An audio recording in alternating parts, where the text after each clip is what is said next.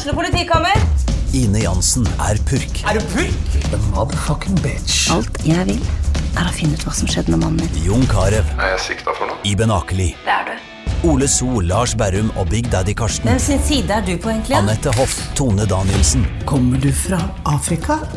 Jørnis Josef, Nesten. Kløfta. Trond Espen Seim, Det er synd å si det, men det var feil mann som døde. Purk. Premiere tirsdag på TV2 Play.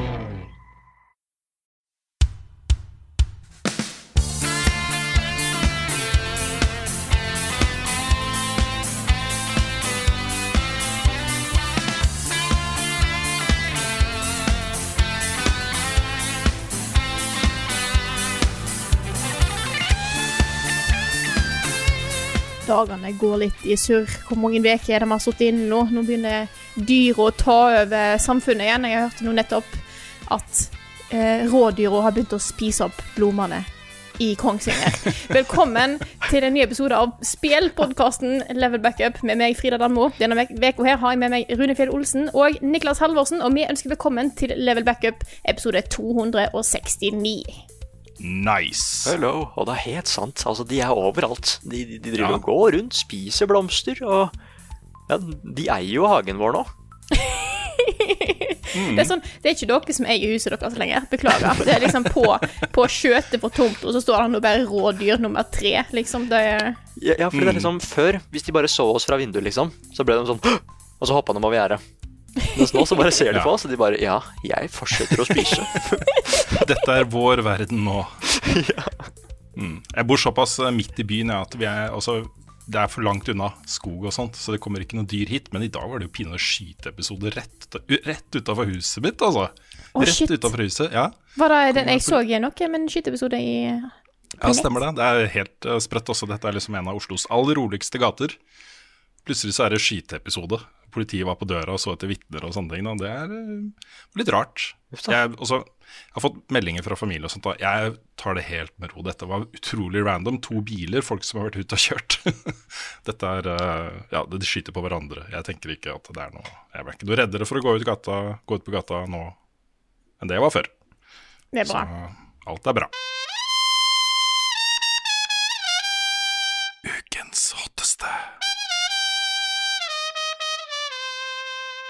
Det skjer veldig mye spennende i eh, spillverden akkurat nå, og noe av det mest spennende er jo ting som ikke er bekrefta. Eh, Det er mye som skjer nå, eh, mye rykter som er ute og går, eh, som egentlig bare kan sitte og glede seg og se om faktisk stemmer. Og det største nå for tida er jo selvfølgelig ryktet om at Nintendo skal komme med tidenes samlepakke med remakes i løpet av 2020, i sammenheng med eh, Mario sitt 35-årsjubileum. Hva er dette her for noe, Rune? Nei, dette er jo altså for, for å ta det ryktene først, da. Dette kommer jo da fra uh, ganske troverdige kilder. Eurogamer, VentureBeat, altså uh, nyhetssider som har eh, hva skal man si, regler, interne regler da, for når de skal vidererapportere rykter. Og eh, selv om de bruker da anonyme kilder, så er det på en måte da kilder som de mener er troverdige. De går god for kildenes informasjon. Så derfor så er det også ganske naturlig å videreformidle de ryktene. Um, det det går på, er jo en, rett og slett at de skal feire Mario da, på Switch. Uh, I utgangspunktet så sier det at uh, så å si samtlige Super Mario-spill skal i en eller annen form dukke opp på Switch i løpet av uh, kort tid, i løpet av året. Uh, og den største nyheten der er jo da tre remasters i en samlepakke som uh, foreløpig går under det ryktenavnet Super Mario All-Stars 2. Og da snakker vi da folkens om Super Mario 64, Super Mario Sunshine og Super Mario Galaxy i én samlepakke. hvis det, tingen er jo da at det er jo Siden det fortsatt er rykte, så er det vanskelig på en måte glede seg til noe som ikke er bekrefta. Men når det kommer fra såpass store kilde, så, har, så syns jeg det er lov å bare glede seg litt. Grann. Altså, det er jo en annen grunn til å tro på disse ryktene, og det er jo at it makes sense. Hvorfor ikke? Eh, Nintendo har jo også vist at de liker å trekke gamle, gamle spill opp i lyset igjen og lage remastered-versjoner og sånt med Windwaker og Twilight Princess og Ocarina of Time og alle disse spillene. Eh, og det å gjøre dette her med disse svære, ikoniske Super Mario-spillene er jo en verdens mest naturlige ting å gjøre. Spesielt på en konsoll som selger så bra som Nintendo Switch. Eh, og vi har jo òg diskutert litt hva er det Nintendo har tenkt å gjøre resten av året. Fordi de har jo hatt en ekstremt store lansering av Animal Crossing, som har jo gått over alle eh, forventninger, tror jeg. Eh, men resten av året ser det jo litt stille ut fra, eh, fra Nintendos side. Så hvis de har dette her i bakhånd nå, så tror jeg at Nintendo kan få et, et fantastisk 2020. Altså, disse tre spillene her treffer jo både rett i nostalgi solar plexus hos alle oss som har spilt dem før, og en helt ny generasjon. Også dette, eh, Switch har blitt en ekstremt populær konsoll blant eh, barn og unge, som kanskje ikke har spilt disse spillene før. Eh, men, og dette er ganske interessant altså, de har sett mye Super Mario 64 og Galaxy og Sunshine Let's Plays på YouTube. Så mine barn har et forhold til disse tre spillene uten å noen gang ha rørt dem. Og de gleder seg. Og så da jeg fortalte de dette her, da, så ble det sånn Ja! Kan jeg spille Super Mario 64? Er det sant? så de ble kjempehappy. Det er, eh, dette her må bare Altså hvis, hvis da dette ikke stemmer, og Nintendo får med seg disse ryktene her, så la oss nå håpe at de gjør det allikevel, da. Ja. Det er jo eh, mer som eh, ligger i disse ryktene, eh, i tillegg til den samlepakken. Det er jo snakk om òg en relansering av Super Mario 3D World som kom til Wii U. Eh, Et fantastisk eh, Mario-spill, må jeg bare få nevnt. Men eh, jeg tror ikke Wii U gjorde det sikkert ikke så bra som Nintendo hadde ønska, så jeg skjønner at de har lyst til å gi det ut på nytt. Mm. Og det er snakk om da med hvis disse ryktene stemmer, så er det snakk om med litt ekstra innhold, noen nye barna og litt sånne ting. Eh, så da gleder jeg meg òg til å se. Eh, og ikke minst så står det i disse ryktene at det skal komme et nytt Paper Mario-spill som har litt, gått mer tilbake igjen til den RPG-stilen som spillet var kjent for litt tidligere, i retning The Thousand Year Door. Og dette her, hvis, hvis alt dette her stemmer, så er dette her en sånn gavepakke til Nintendo-fans uten like. Herregud. Det, dette er på en måte Altså, ok, dette er gamle spill. Ja. Vi, mange har spilt de før. Men dette her er liksom uh, fasiten på hvorfor folk og spillverden trenger Nintendo. Det er jo ingen Altså, de, de har disse spillene her. De har, de har denne backloggen, og de har uh, dette bidraget til spillenes verden, som er unikt, da. Uh, og um, ja, jeg, jeg, blir, jeg blir egentlig bare glad, ja, når jeg hører sånne ting. Dette er Nintendo, liksom. Dette er Nintendo. Og jeg syns det er bra at de her, hvis, hvis seg med, kombinerer både at du har den samlepakken med de gamle spillene, eh, gir ut et spill som ikke Som er veldig bra, som ikke så mange fikk testa, og at de har et nytt storspill i tillegg. Det er den kombinasjonen som viser at de både på en måte ser bakover og framover samtidig, eh, som jeg eh, har sansen for. Og så ser jeg det spekuleres i at uh, ok, ja, dette er på en måte en stor ting, en stor lansering i, i 2020 for Nintendo. Men det spekuleres da også i at i og med at dette på en måte blir den ene delen av det de lanserer, så er det større sannsynlighet for at Breath of the Wild 2 kan da bli lansert eh, i år, det også. At det blir den andre store satsingen til øh, Nintendo i år. Du tror det?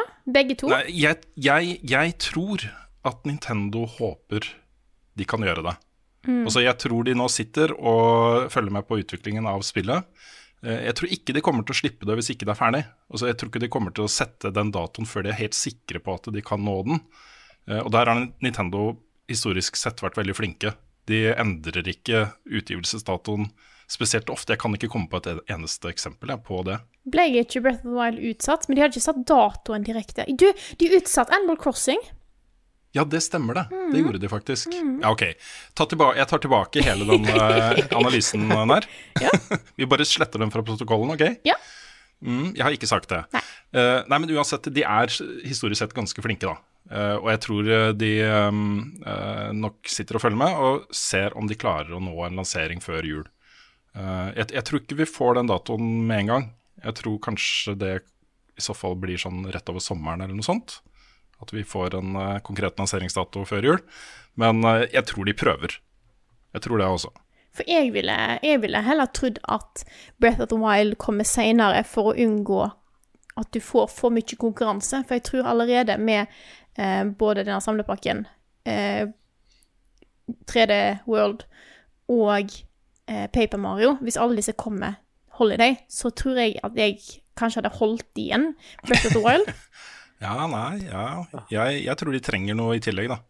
At ikke det bare blir et sånt der inntrykk av at de relanserer gamle spill og, og sånne ting. Og jeg, jeg tror i tillegg ja, at den der Super Mario Allstars 2 kan bare bli droppa. Plutselig sånn shadow-droppa. At Altså, det bare plutselig en dag kommer. Jeg tror den er klar. Det er spennende. Nå skal jeg ta og google veldig veldig kjapt, for det er jo 35-årsjubileum. Mm. Og da er spørsmålet hva dato er det? Ja, det Google det, Frida. Ja, for det kan jo ha en viss eh, relevans. Men um, Nå er det vi som synser veldig her, bare så det er sagt. Mm. Men det er gøy å komme med litt sånne småting. Uh, men hva, det er 35-årsjubileum for hva spill? det er Super Mario. Første Mario-spillet. OK. Mm. Fordi at det, Det ja. er, eh, Nintendo har jo uh, brukt litt energi på å feire sånne jubileer tidligere også. Gitt ut ting, relansert ting, fått ut på virtual console, sånne ting da, på uh, jubileumstidspunkter. Så um, ja, nei, jeg, jeg, jeg tror som sagt disse ryktene stemmer også. Så um, derfor er det gøy å snakke om det også. Så får vi snakke om det igjen da når det blir eh, offisielt confirmed, eller eh, bite i det sure eplet og eh, si sorry om noen uker. Jeg finner ikke noe jeg vet, det, er, mm, det er så mange datoer. Vanskelig å si. Jo. Tenk, tenk Frida, om det hadde stått der 3. april.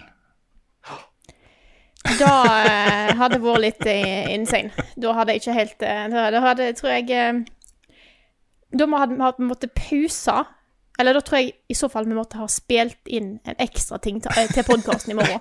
Ja, vi måtte nesten ha gjort Ja, det. vi måtte bare vente med å gi den ut til eh, vi kunne fått bekrefta det eller ei. Mm. Faktisk. Nei, men dette her er en spillfest, rett og slett. Og jeg håper vi får oppleve den eh, i 2020. Jeg håper sånn at det stemmer. Det hadde vært veldig, veldig gøy. Hva Har du spilt i det siste? Noen av oss har fortsatt litt på spill vi har snakka om før, men det har skjedd nye ting siden sist år, skal jeg si dere. Så vi gir ordet til Nick, vær så god. Ja, for jeg eh, Det har Da går jeg bare først innom det, de små tinga jeg har spilt. For det, små, det er egentlig bare igjen. Det er fortsatt litt på 9 og 2, da. Å bli ferdig med dette her. Husker dere hva jeg sloss mot sist gang, dere? Og det var noe rart. Ja, det, var- det var en edderkoppokse. Sånn Ja, stemmer det. Ja. Og denne gangen her, nå har jeg slåss mot et hus.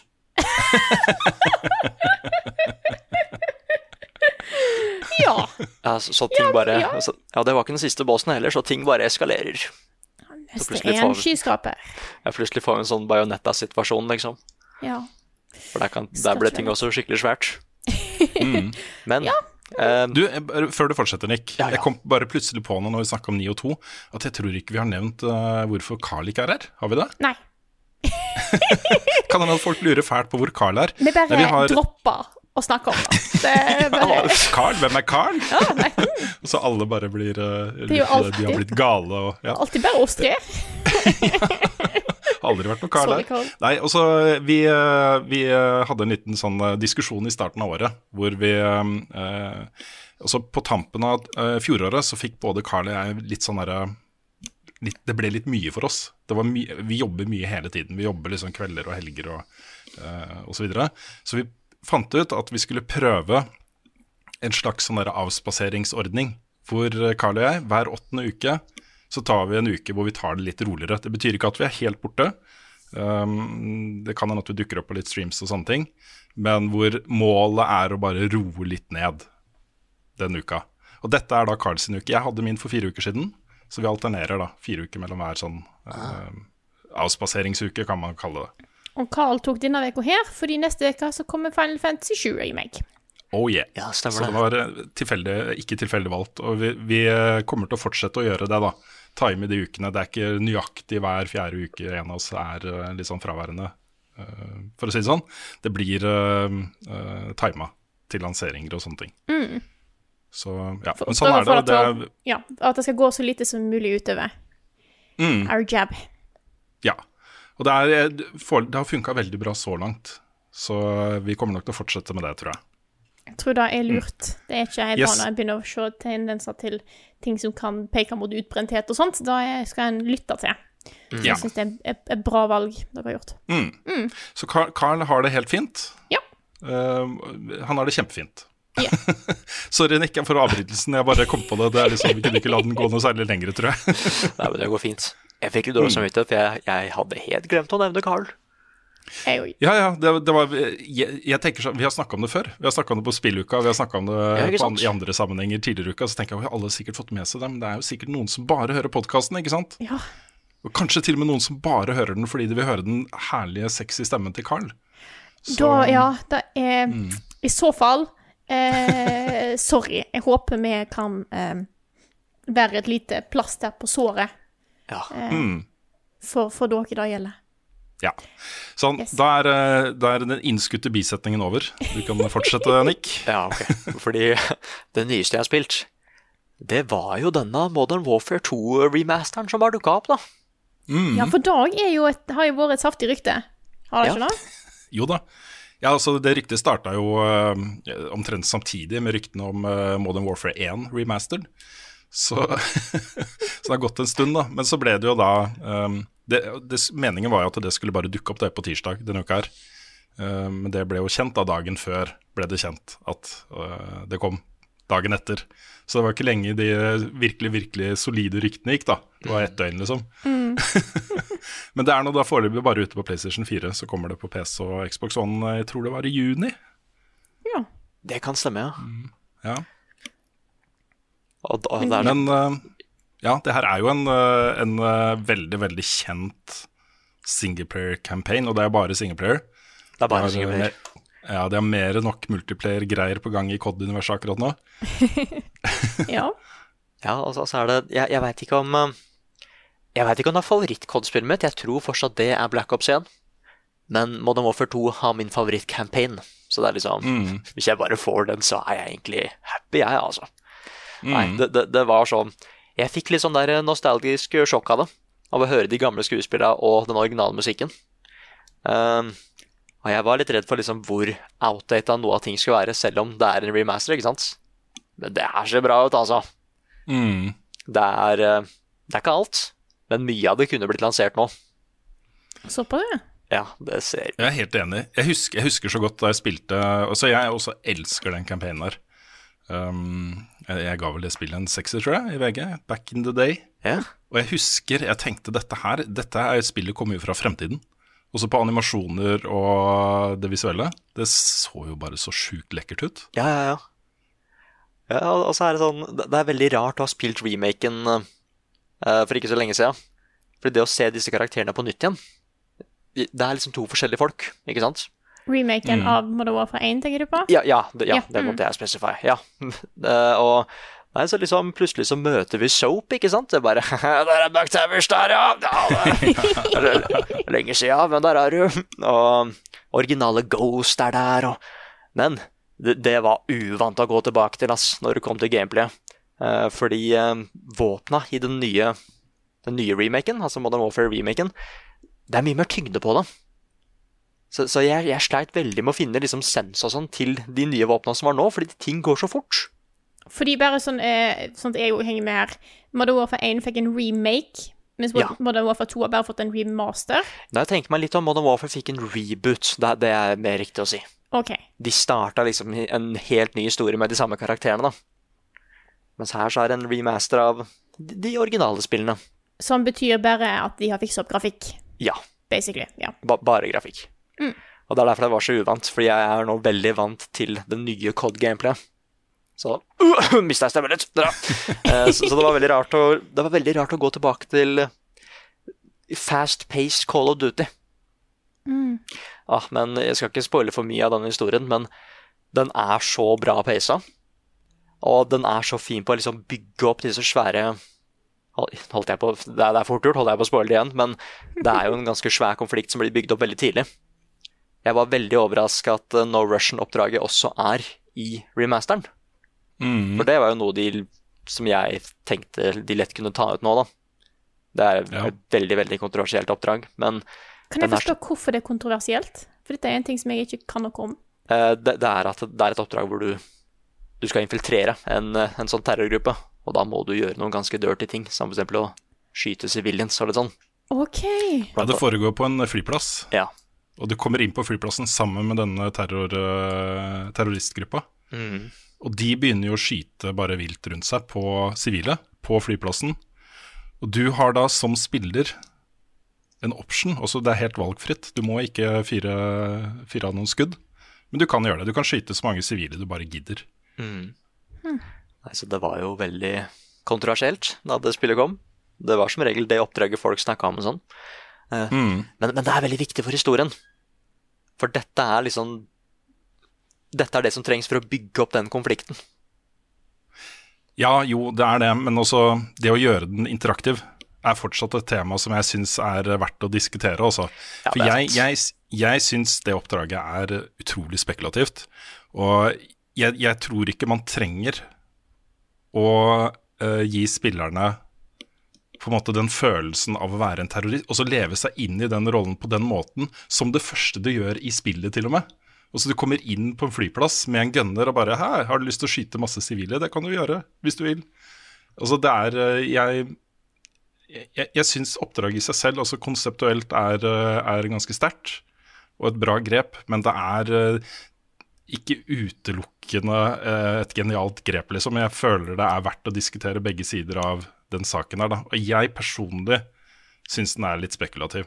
Og så var det jo sånn da det kom, jeg vet ikke om det fortsatt er sånn, men da fikk du en option når du starter spillet, um, hvor det står at, eh, at det første oppdraget i dette spillet her eh, er veldig eh, Jeg husker ikke hvilket ordlyd det er, men det står at det er ganske sterkt. Mm. Eh, Du kan velge å ikke spille det.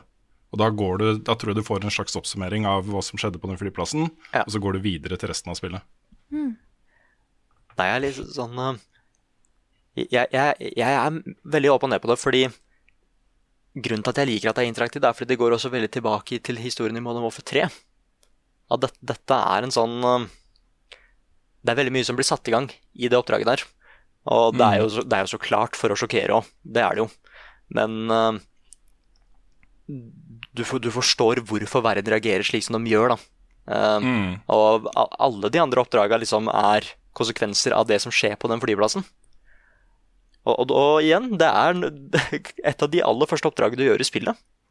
Så det er veldig veldig merkelig at det bare ok, greit, nå skal du infiltrere denne terrorgruppa. da. Bare gjør det du kan for å liksom blende inn. Og så er dette det første du gjør, da. Så Da skjønner du liksom at ok, dette er Dette er ikke bra, det, de folka driver med. Altså, altså hva er planen deres? De, de må bli stansa fort, og det skjer jo et par ting og tang i det oppdraget der òg, på slutten. Som, jeg ikke, som jeg ikke skal spoile. Men, eh, men, men jeg, jeg er glad for at muligheten er der for å skippe det. Men jeg ble fortsatt overrasket og fortsatt var med. Ja, det er Jeg, jeg vet ikke, altså. altså oppdraget i seg selv er jo en eh, Finner man jo eksempler på fra virkeligheten. Folk som går inn i folkemengder og bare skyter. Altså, det er ubehagelig, da.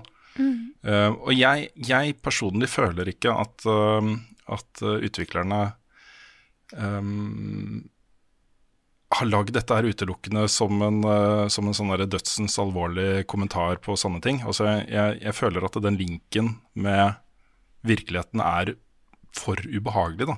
Og jeg syns at spill gjerne kan gå til de plassene der, men uh, for meg personlig så er på en måte COD litt mer sånn tjo hei action. du kjører snøscooter og plaffer løs, og det er eksplosjoner og, og sånt. Det er ikke den derre um, spec-ops-tilnærminga til eh, krig for meg personlig. Det er mer en sånn der, litt sånn James Bond-aktig, eh, høy- uhøytidelig actionopplevelse. Og da, for meg føles det da litt sånn spekulativt. Um, den sitter ikke helt bra, da. i, Tror du de hadde eh, fått veldig backlash hvis de hadde tatt det ut? Til uh, remaster... Re Ja, det hadde de helt sikkert gjort. Nå er det jo også eh, Kan jeg flytte en sak fra nyhetsspalten inn hit, da. Ja. Fordi eh, det spillet kommer jo ikke ut i Russland nå-. Eh, Dette er jo eh, en russisk eh, terroristgruppe det er snakk om. Og da originalen kom, så ble det jo også stoppa i Russland. Det kom ikke ut i Russland før de fjerna det brettet. Da kom det ut. Men nå da remastered-versjonen er nå ikke ute i Russland, så det vil nok komme en versjon der også, tenker jeg. For det russiske markedet. Ja. Men ja. Nei, jeg vet ikke. Det er på en måte Dette var også en tid hvor, hvor uh, spillmediet prøvde å føle seg litt fram da, på hvor kontroversielle det kunne være, og hvor, uh, hvilke temaer som var greit å ta opp. og, og og Det handler jo litt om at uh, spillmediet blir mer voksent og kan ta opp temaer som er litt mer alvorlige og, og sånne ting også. Uh, du hadde jo også uh, Manhunt fra Rockstar, hvor du spilte liksom da rollen som en sadistisk lystmorder. Uh, hvor bakteppet var at du på en måte ble tvunget til det, i anførselstegn, uh, fordi du var med i et gameshow, og hvis ikke du gjorde det, så var det game over. Uh, men der var det også en sånn derre Du kunne velge selv da, om hvor sadistisk du skulle være, fordi alle, alle drap hadde tre nivåer. Jo lengre du holdt inne den assassination-knappen, jo mer brutale ble de likvideringene av de motstanderne dine da, i det spillet. Okay. Og det også er sånn derre Hvis det gjøres, da, som et på en måte en kommentar på hva mennesket kan ha i seg eh, i en sånn interaktiv setting, så er det interessant. Men hvis det gjøres for shock value, hvis det gjøres, Ja. så, så er det på en måte noe annet. Og da mm, blir det en sånn diskusjon da, som eh, altså Jeg har ikke noe fasit eller noe eh, Jeg er ikke sånn 100 sikker på hva jeg selv mener om dette her. Jeg mener at spill kan gå dit, men eh, Det jeg spørs mener hvordan de tar det opp. Det er egentlig Ja, det det handler det er litt det. Er litt det. Det er ikke da at tema, sånne tema er no go i spill. Det bare spørs Mm. hvordan det blir gjort, siden det er så interaktivt. Ja, fordi mye av dette her føler jeg da kommer på nivå med å sette en katt som lyddemper på våpenet ditt i Postal-spillene. At det er litt sånn der Så har du sett hva du har gjort der, eller? Shit! Ja, sånn, ja. Mm. ja. Så um, Ja, nei, men det er et, eh, altså, et eh, sånn litt sånn ikonisk event da, i spillenes verden. Akkurat dette missionet her og diskusjonene som kommer rundt det. Ja, det er sant. Nei, det er eh, Hvis, hvis de liksom hadde hatt at du er nødt til å gjøre det for, for ikke å bli oppdaga, da hadde jeg reagert eh, helt annerledes på det. Nei, eller jeg, jeg bare Jeg, jeg, syn, jeg, jeg hadde ikke opplevd noe sånt før i et spill, det var én ting, men jeg syns det var en litt sånn interessant måte å bygge opp skurken på. For du kan liksom indirekte ta en del i det, ikke sant? Eh, og det er de tinga at uh, det kunne lett bli vist med en cutscene. Men det at du liksom har faktisk muligheten til også å bli med på det, det, det gjør det litt mer sterkere. Jeg vil ikke si at det mesteparten Det er jo ikke Det er mye av det som ikke er bra, så klart. Men jeg syns i hvert fall det funka. Det, det satt her på Og jeg dømmer deg ikke fordi du syns det funka, Nick. Altså, tusen takk, Rune. Det er helt i orden. Men uh, bortsett fra det, jeg, jeg spilte i to timer. Og nå har jeg akkurat kommet til det oppdraget hvor noen har invadert America.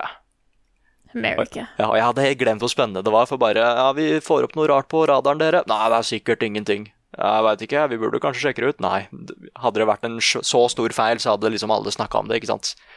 Er det noe som foregår der borte i Virginia? Ja, nå skal du høre. Det, det var Nå er det full krig her.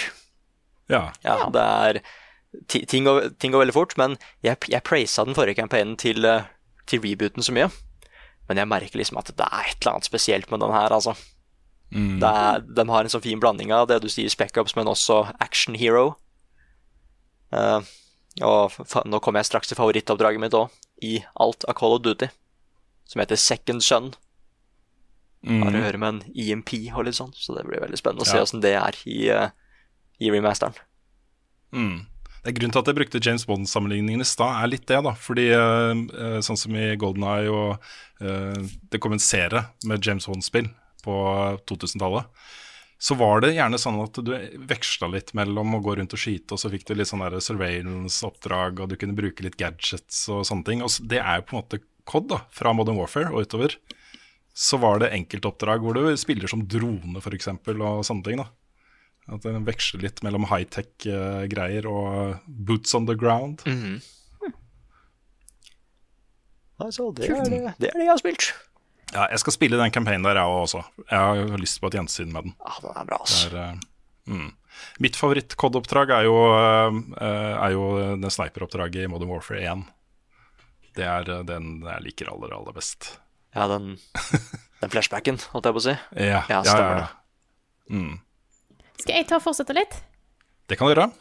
Jeg har jo fortsatt på Animal Crossing storkost meg i det spillet. Um, Jeg har fått litt spørsmål om det kommer anmeldelse, og det gir det.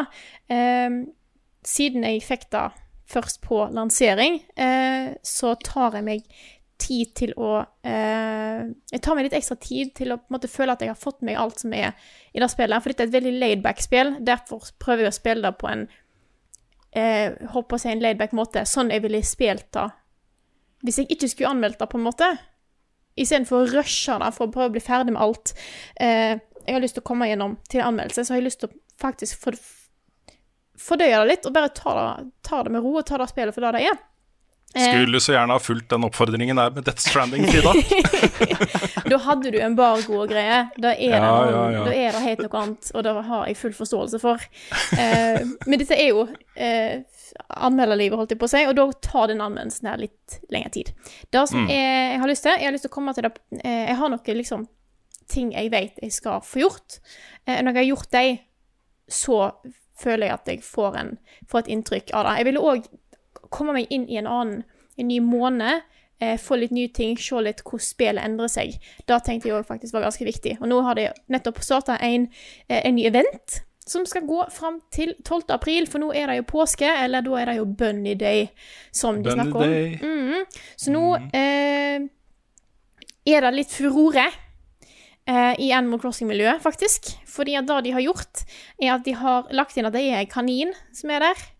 Eh, som sier at 'jeg har gjemt masse egg rundt omkring på øya di'. Hvis du finner dem, så er det kult. Og så får du sånne crafting-oppskrifter, så du kan lage ting som har med påske å gjøre. Så mye sånn eggting, så du trenger disse eggene for å, eh, for å lage disse møblene og hva enn det skal være. Men disse eggene er faen meg overalt. Og det er sånn eh, da, Altså, det som er eh, Altså, dette spillet handler om at du skal lage ting, bygge ting på øya di, og for å gjøre dette, så trenger du bells, penger. Og for å få penger, så kan du gjøre mange ting. Du kan eh, fiske. Eh, du kan grave opp fossil. Eh, du, masse muligheter her. Det som er tingen, er at det er jo egg faen meg overalt. Så når du fisker, så får du fiske opp egg. Eh, I tillegg til fisk. Og når du graver opp ting, bare sånn Å, her kan det være et fossil. Så er det et egg. Og så skal du riste i et tre for å se om du finner noen møbler. Det er faen meg egg der òg. Så det er sånn eh, da, så det ender opp med å gjøre, Istedenfor at du har noen små ting at sånn, Nå har jeg gjemt så og så mange egg rundt omkring på øya di. Så er det kontinuerlig mengde av egg som bare liksom skubbes inn i ditt vanlige gameplay, som gjør at jeg, når jeg sitter og skal fiske, bare sånn Å, der var det et egg, ja. Og så tar vi Ja, vi kan fiske den her. Dette er sikkert Der var et egg. Eh, og dette Nå høres du veldig negativ ut, eh, Frida. Ja, ja.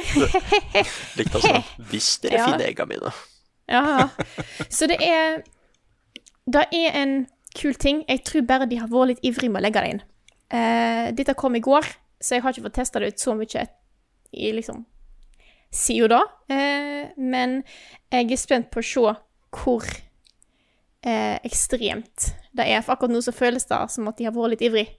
Jeg skulle ønske at det kanskje var noen dager, og ikke tolv. Tolv dager med egg. Men jeg hadde en veldig koselig stream i går, eh, eller for to dager siden, for eh, dere som hører på podkasten på fredag, og så legg på en dag ut ifra hvor lenge etter podkasten kommer du hører på den dagen her.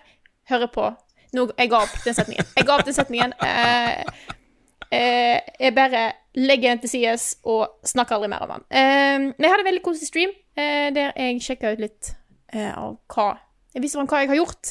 Eh, så litt på de nye eh, tingene som dukka opp nå som det har blitt april. Det har kommet litt ny fisk, det har kommet litt nye eh, insekt. Eh, jeg var undersøkte litt nye øyer. Jeg var og besøkte Patron-øyet. Og så kom Nick og Carl innom, det var superhyggelig. Eh, og så var det egentlig bare en kosestream. Så eh, Animal Crossing er fortsatt koselig. Jeg er bare litt smått irritert på disse eggene. Så jeg ville bare nevne det. Mm. Eh, og så har jeg spilt noe annet. Eh, som ikke er Witcher 3, for jeg spiller fortsatt Witcher 3. Men jeg har spilt DLC-en til Control, Ah, The. Foundation.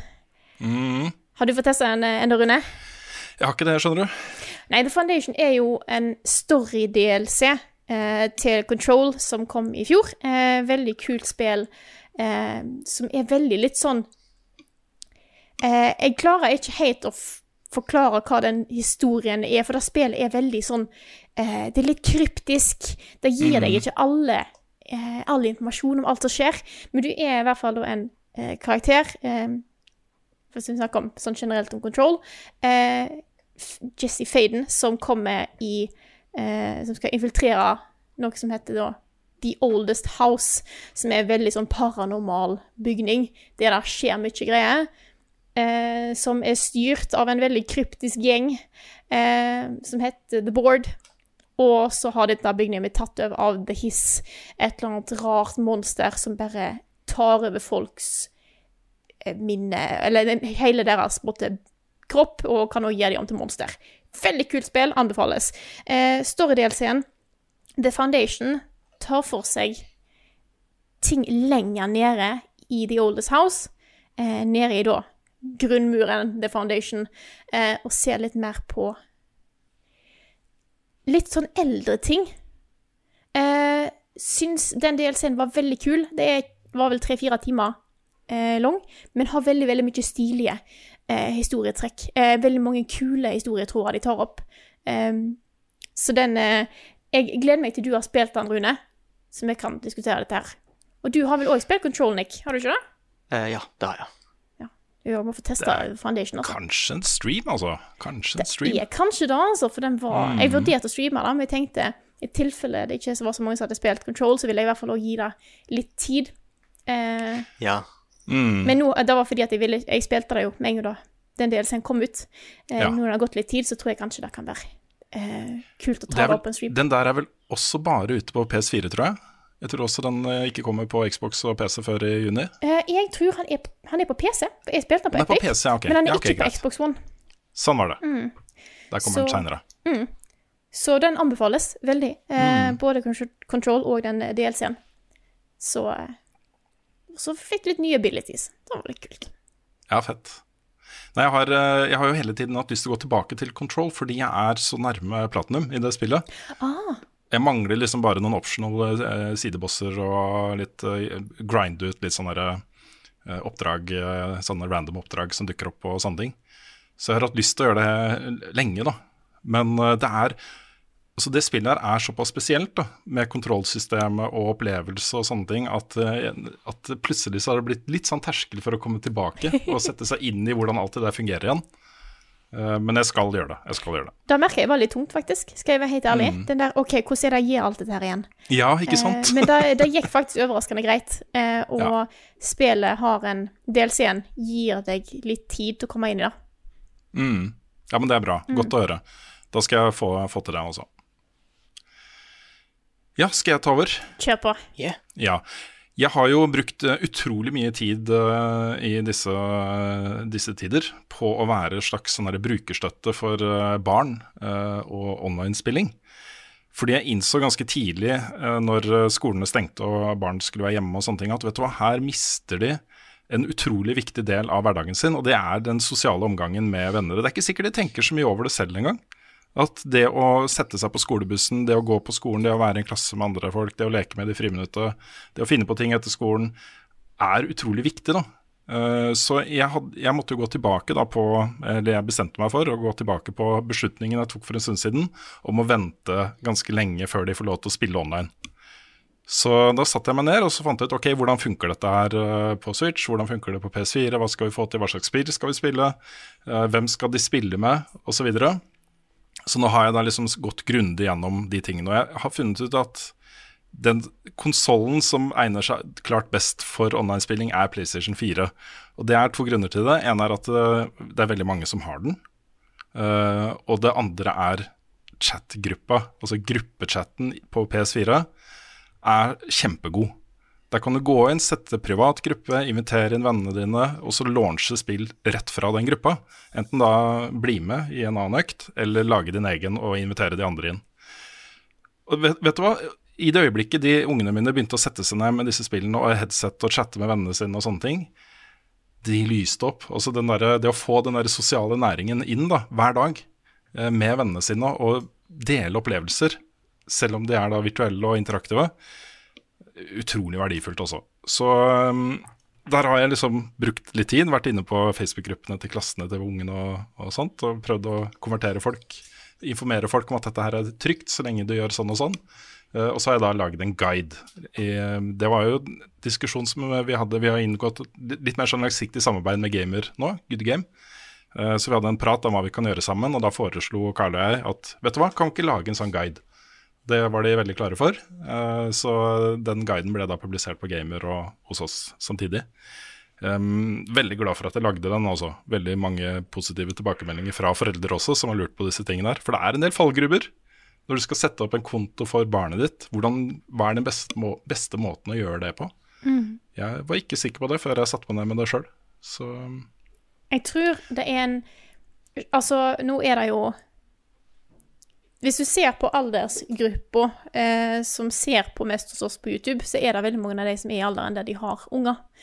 Eh, så selv om dette her ikke måtte gjelde for alle seerne våre, så tror jeg dette er veldig viktig for mange, spesielt i den tida her nå. Så det var en veldig fin video. Den eh, var veldig enkel og informativ, så skryt til deg, Rune, for den. Det var det. Jo, takk for det. Men dette er på en måte um, litt av funksjonen vår, da. Level Up Norge nå er litt det, da. Tilby folk litt sånn sosiale eh, samlingsplasser på nett når man ikke kan møtes fysisk. Og er, jeg syns det er liksom ekstra viktig for ungene våre. Uh, og um, ja, jeg oppfordrer folk da til å sette seg litt inn i disse tingene og vurdere litt sånn tidligere frislipp av barn på nett. Du kan eh, sette opp eh, ekstremt mye sånn privacy på eh, sånne kontoer. Med hvem som får lov til å kontakte dem, hvem som får lov til å se hva de gjør online. Hvem de kan få meldinger fra, hva slags spill de kan spille, aldersgrense osv. Det er masse du kan gjøre da, for å beskytte ungene på, på nett. Eh, Men da er det på en måte den viktigste tingen du kan gjøre og må gjøre når du det slipper løs, da, i mitt tilfelle en syvåring og en niåring på nett, det er jo å følge med. Sitte sammen med dem. eh, ha klare regler på at de skal spørre hvis det skjer noe de er usikre på eller lurer på. eh, og forberede de på at eh, det er ikke alle brukernavn du ser eh, online på, i Destiny f.eks. som uh, som er eh, eh, foreldregodkjente, for å si det sånn. Eh, Så bare vær litt på ballen der. Det er det, det, er det aller viktigste. Denne er jo kjempebra. Ukens anbefaling. Denne uk eh, ukens anbefaling holdt på å bli ukens hotteste. Eh, fordi det er noe som har tatt eh, Norge litt med storm de siste eh, dagene. Og vi har òg sett denne helsprø serien og har lyst til å anbefale den videre til folk som lurer på hva i svarte dette her er. Hva serie er det vi snakker om, Rune? Det er, jeg syns det er litt funny da at vi har en, eh, en serie eh, med undertittelen 'Murder, Mayhem and Madness'. Og den handler om en dyrehage. Dette er da Tiger King, uh, 'Murder, Mayhem and Madness' på Netflix. En uh, dokumentarserie eh, om da en dyrehage med big cats i USA. Drevet av Joe Exotic. Fantastiske Joe Joe Exotic. Exotic. Og du følger da eh, han, de som jobber foran på denne dyrehagen, eh, og all dramaet som skjer innad i og mellom de ulike eh, dyrehagene som har store katter i USA. For det er litt uenighet om hvordan ting skal drives, eh, og det begynner å bli er også du, du får sett det meste eh, av utvikling eh, fra eh, at det er litt krangling til eh, lawsuits, eh, drapstrusler. Det er mye, mye spennende som skjer, rett og slett fordi at du har en fyr som er Joe Exotic, som er litt av en karakter. Og når du da har et kamerateam som har fulgt han i fem år, da får du opptak av mye spennende greier. Ja, det, det er jo det som gjør den serien her bra. Fordi den, eh, han som har laget den serien her, han øh, kom jo inn med en sånn undring om hva som så Har folk tiger og løver og sånt privat i USA? Hva er dette for noe? Eh, ved en litt sånn tilfeldighet, og bestemmer seg da for å følge den gjengen her. Um, og det er også, Du kunne ikke ha skripta et uh, mer dramatisk uh, manus for en sånn serie. Fordi uh, gjennom de fem årene det, det som skjer, er det, er det er så bananas. Ja. Det er så bananas. For han her, Joy Exotic, er jo veldig eh, Han liker oppmerksomhet, gir seg litt til. Eh, han lager musikkvideoer. På et tidspunkt så stilte han som presidentkandidat. Eh, da jeg innså etter hvert i serien at det var der jeg så han første gang. Eh, han har noen fantastiske videoer. Det er, jeg så han i eh, John Oliver sitt eh, show, eh, faktisk. Eh, det er forsvinningssaker. Det er en fyr som bare forsvant, som de fortsatt ikke vet hvor er. Det er bare så mye mayhem og madness og murder eh, i, den, i den serien her. Det, altså, på et tidspunkt så er det en, en Det er en reporter som sier at dette er litt som et togkrasj som du ikke klarer å ta øynene dine fra. Og det er jo på en måte litt da. Ja, så du, er, du dundrer jo rett inn i redneck eh, USA. Uh, og det, det, også, det castet her er liksom Dette er jo folk, da, men holy shit, altså. Det er jeg, jeg tror min favoritt er han eh, tidligere uh, homeless eh, narkomane som bare havner der. Han Ja. som blir uh, sånn hoveddyrepasser. Ja. Eh, som snakker om liksom hvordan den gjengen har redda han og, og sånne ting. Um, men også sikkerhetseksperten der er jo Bananas. Og han kommer han kommer jo inn i det konseptet her mer som en sånn innleid han skal, eh, Han skal hjelpe til med å lage TV. TV-produsenten er det. TV-produsenten. Ja. Han er proff TV-produsent, har produsert masse TV-shows og sånne ting. Skal hjelpe deg, Joe Exotic, med å få uh, den den daglige livestreamen hans litt proffere. Som han streamer da hver dag for sånn 50-100 seere fra hele verden. da. Um, som, hvordan han gradvis suges inn i mentaliteten i den parken her. Uh, og så har du jo den derre antagonistgreia med uh, Carol Baskin, som jo er minst like batshit crazy som resten av gjengen. Eh, som er da, hun kjemper da mot folk som driver uh, uh, dyrepark og sånt med tigre og Spesielt så er det da som går på å utnytte små altså kattunger, hvis du kan kalle det, løveunger, tigerunger, til liksom utnytte dem for penger ved å få folk til å komme og klappe dem og sånt, for disse ungene må de jo få fra en plass, så det er det mye breeding eh, og videre salg som nå faktisk er ulovlig, så det er faktisk en del ikke så hyggelige ting som blir gjort, hvis du ser på det fra et eh, dyrevernsperspektiv. Eh, og da blir det jo litt Da blir det jo litt krig, da. Ja, Eh, men jeg det så, gjør det. jeg så òg at eh, det har vært litt eh, kritikk av serien, at spesielt hun Carol Baskin har blitt vist fram på en kanskje litt uheldig måte. Eh, Mm. Men det er helt klart at det er mye rart som skjer på alle parter her. Eh, så det, en, det var en interessant serie fordi det er så mye galskap. Så eh, jeg skjønner hvorfor folk har blitt dratt sånn inn. Ja, det, ja, uten tvil. Dette er et realityshow. Ja. Så det, er jo, det er jo det det er. Og så er det en eh, serie, vi eh, skal ikke si noe særlig mer om det, hvis folk ikke har sett serien ennå. Men eh, det er jo en serie som ikke er på en måte konkludert ennå, i virkeligheten. Det er uh, ting som skjer der som er uh, hard news akkurat nå. De begynner å ta opp igjen litt, uh, litt politisaker og sånt nå. Mm. Så vi får se om dette får en faktisk konklusjon. Det er vanskelig å si. Ja, det har vært spennende. Det har vært en, eh, altså Netflix har jo kjørt flere sånne dokumentarer. De har jo Tidligere i år så kom jo Nei, det var vel i fjor, det. Don't Fuck With Cats. Ja. Som også er en sånn eh, opprulling av et mysterium som, eh, som What? ja. Det var en serie. Mm. Og selvfølgelig 'Making a Murder', som Mhm. eh, jo kanskje starta litt den der true crime-bølgen på Netflix. Um, jeg prøver å finne Det er en serie til som jeg har sett, som uh, også ble på en måte rulla opp i virkeligheten uh, samtidig med serien. Og så hvor dokumentarskaperne plutselig liksom Vent, fant de morderen nå? Var det, var det det som skjedde her? Hmm. Uh, Ja, den på, den den på. HBO. Ja, på HBO. Den derre Jinx, eller? Jinx, ja. The Jinx, Ja, ja. Mm. Mm. Så nei, det er fascinerende, altså. Det er fascinerende. Jeg må innrømme at, øh, at øh, jeg blir litt sånn oppgitt Ja. av å se dette her. Eh, både den derre dyreutnyttelsen som skjer, men også liksom måten De snakker jo om liksom Hvis noen prøver å komme og ta fra de kattene deres, så blir det nytt Waco og sånne ting. da Det er gærne folk, dette her, altså. Ja, ja. Og gå går rundt med pistoler og sånt, for de ikke for å beskytte seg mot de store kattedyra de har, men det er for, mot folk. Mot folket. Og så er det jeg vil Bare ta ett eksempel fra serien som er litt uh, spesielt, da. Men uh, i en av de tidlige episodene så er det en av dyrepasserne som får armen, armen sin revet av. Eh, det går da en fyr rundt som jobber der. Han, han har mista begge beina. Og han sier det er fra en ziplining accident. Ja. At han ramla ned fra en zipline. Hvem er det som tror på det, liksom? ja, men det tror jeg faktisk stemmer. Jeg tror du det stemmer også? Ja.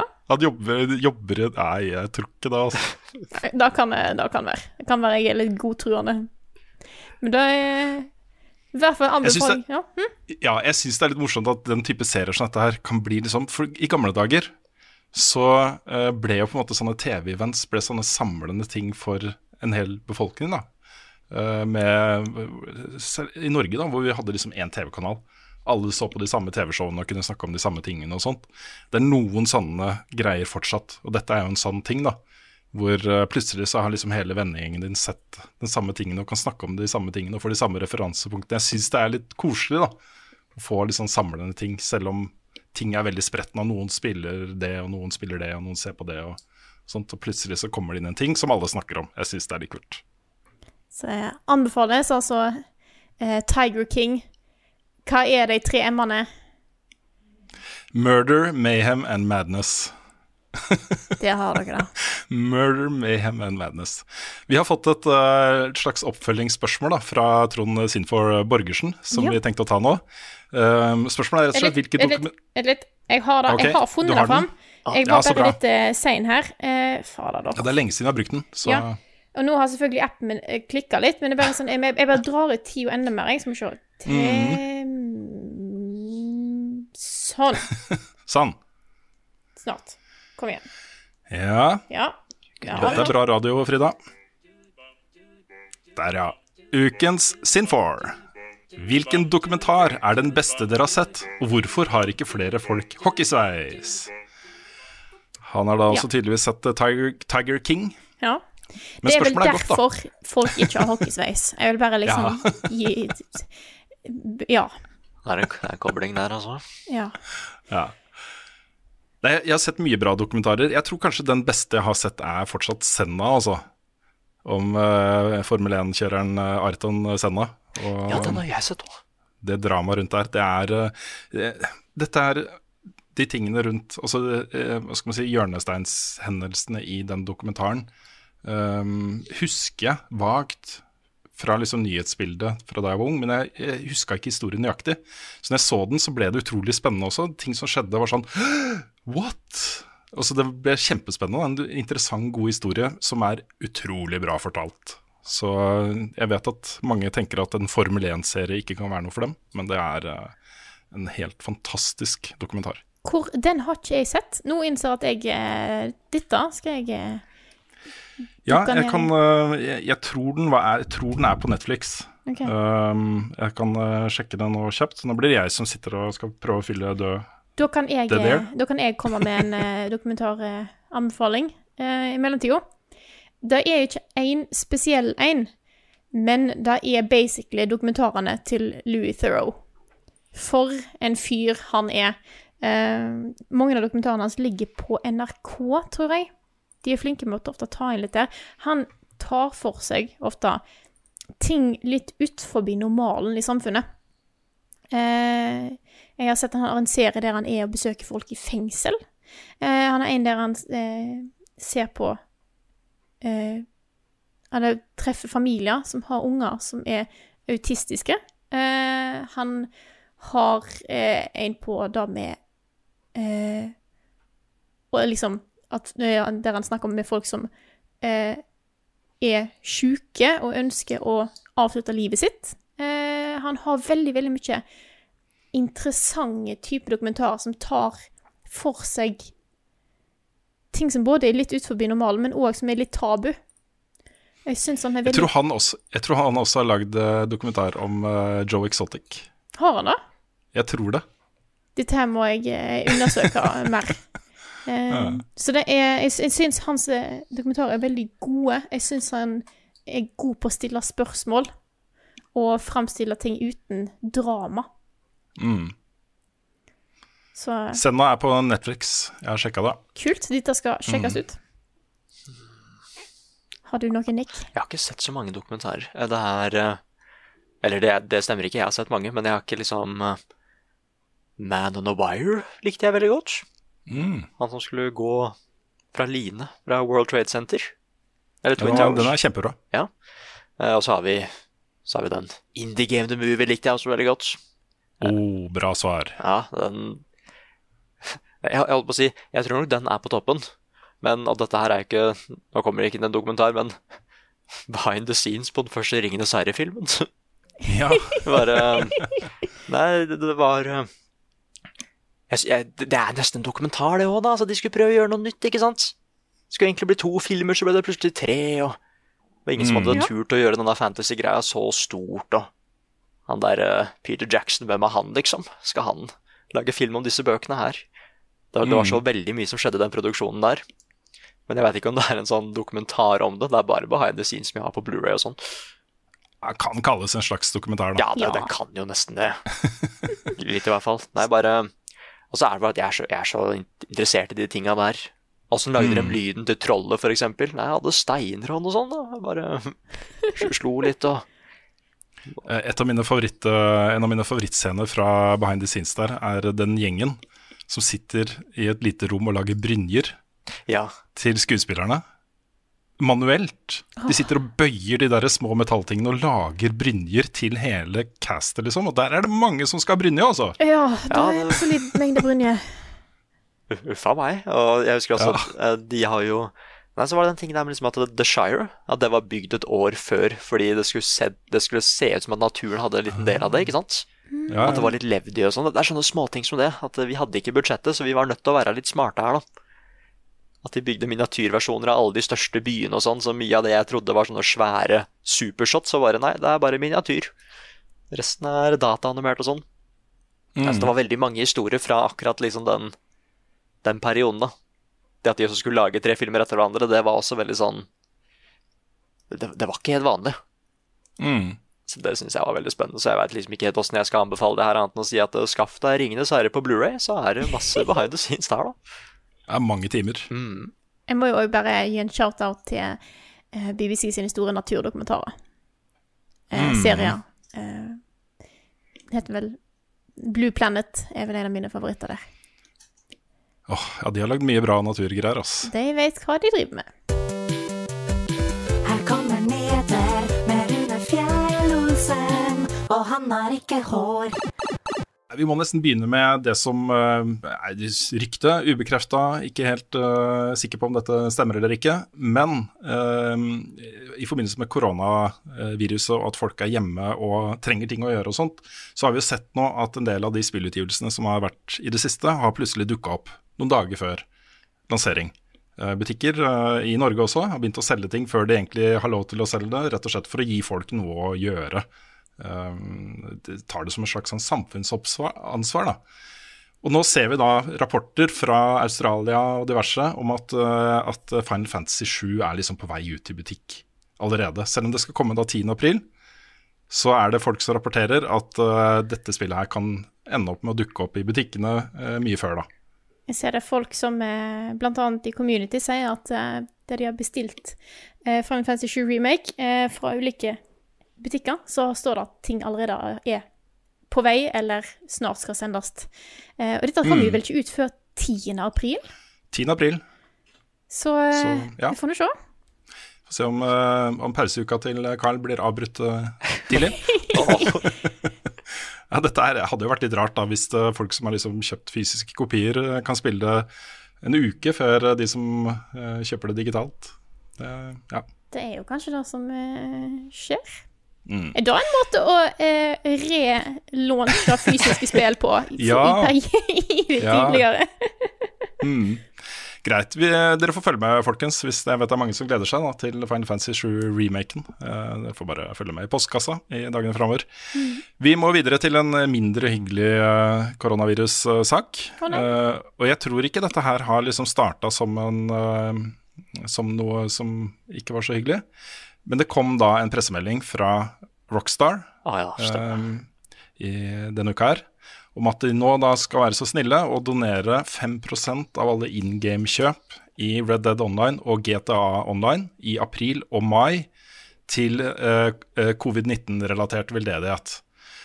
Og det er Hadde de bare gjort det, hadde de liksom ved utgangen av mai donert en svær sum penger til dette her, så hadde det jo vært veldedighet.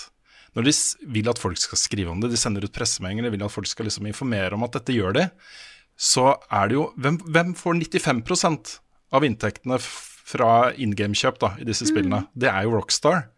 Uh, og dette er en sånn profittering på, på en krise som jeg ikke liker i det hele tatt. Dette Og- smaker litt vondt, altså. Og spesielt når det er 5% Det er bare en Mm. symbolsk verdi, ikke noe mer.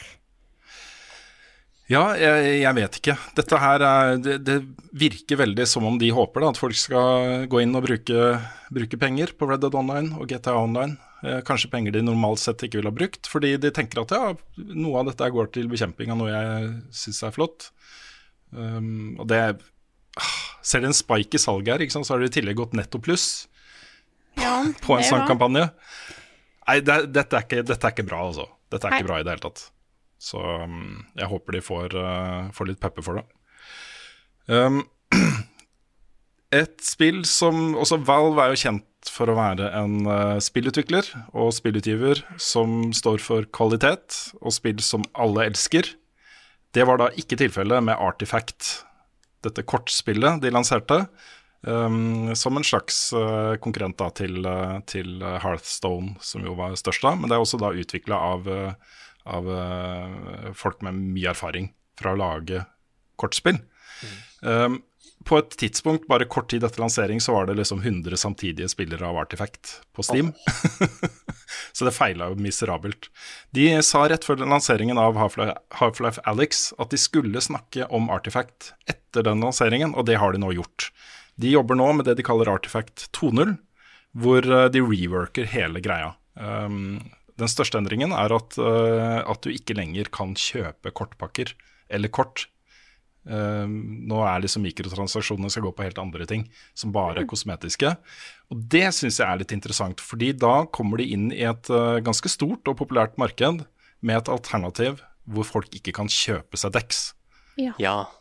Det Og det er, en, det er en ganske stor ting, altså. Så hvis de i tillegg klarer å reworke gameplayet, uh, sånn at det blir bra nok, at folk liker det, så kan plutselig Artifact bli en suksesshistorie. Og det syns jeg var eh, litt interessant å tenke den tanken.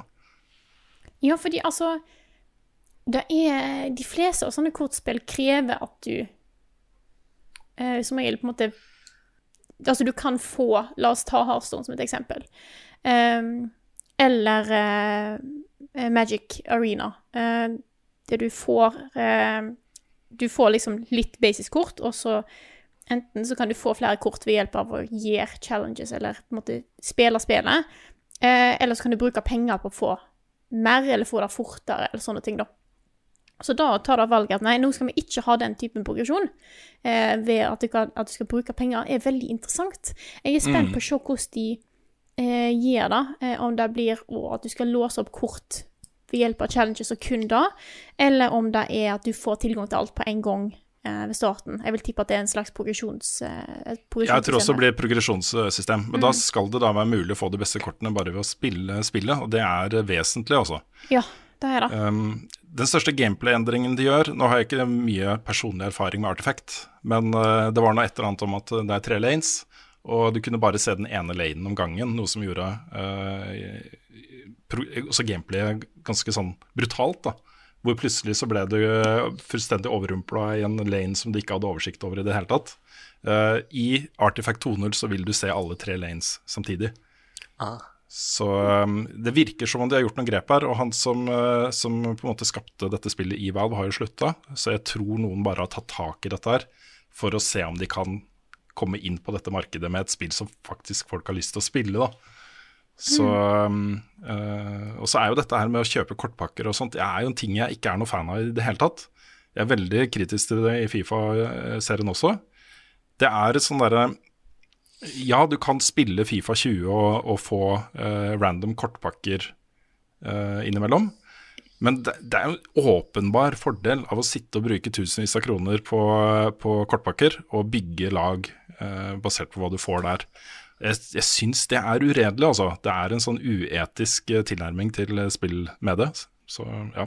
Ja, det er en litt uh, uheldig ting, hvis du kan si det på en så fin måte som det. Mm. Mm.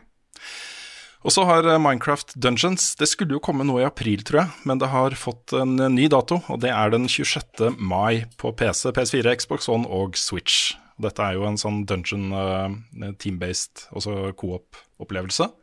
Hvor du tar Minecraft-konseptet, og så går du på eventyr inn i dungeons. Så spillet jeg har satt mange streker under eh, selv. Jeg tror dette her er sånn ypperlig familiespill, da, hvor man kan sitte flere sammen med couch, co-op og uh, ha det fett. Absolutt.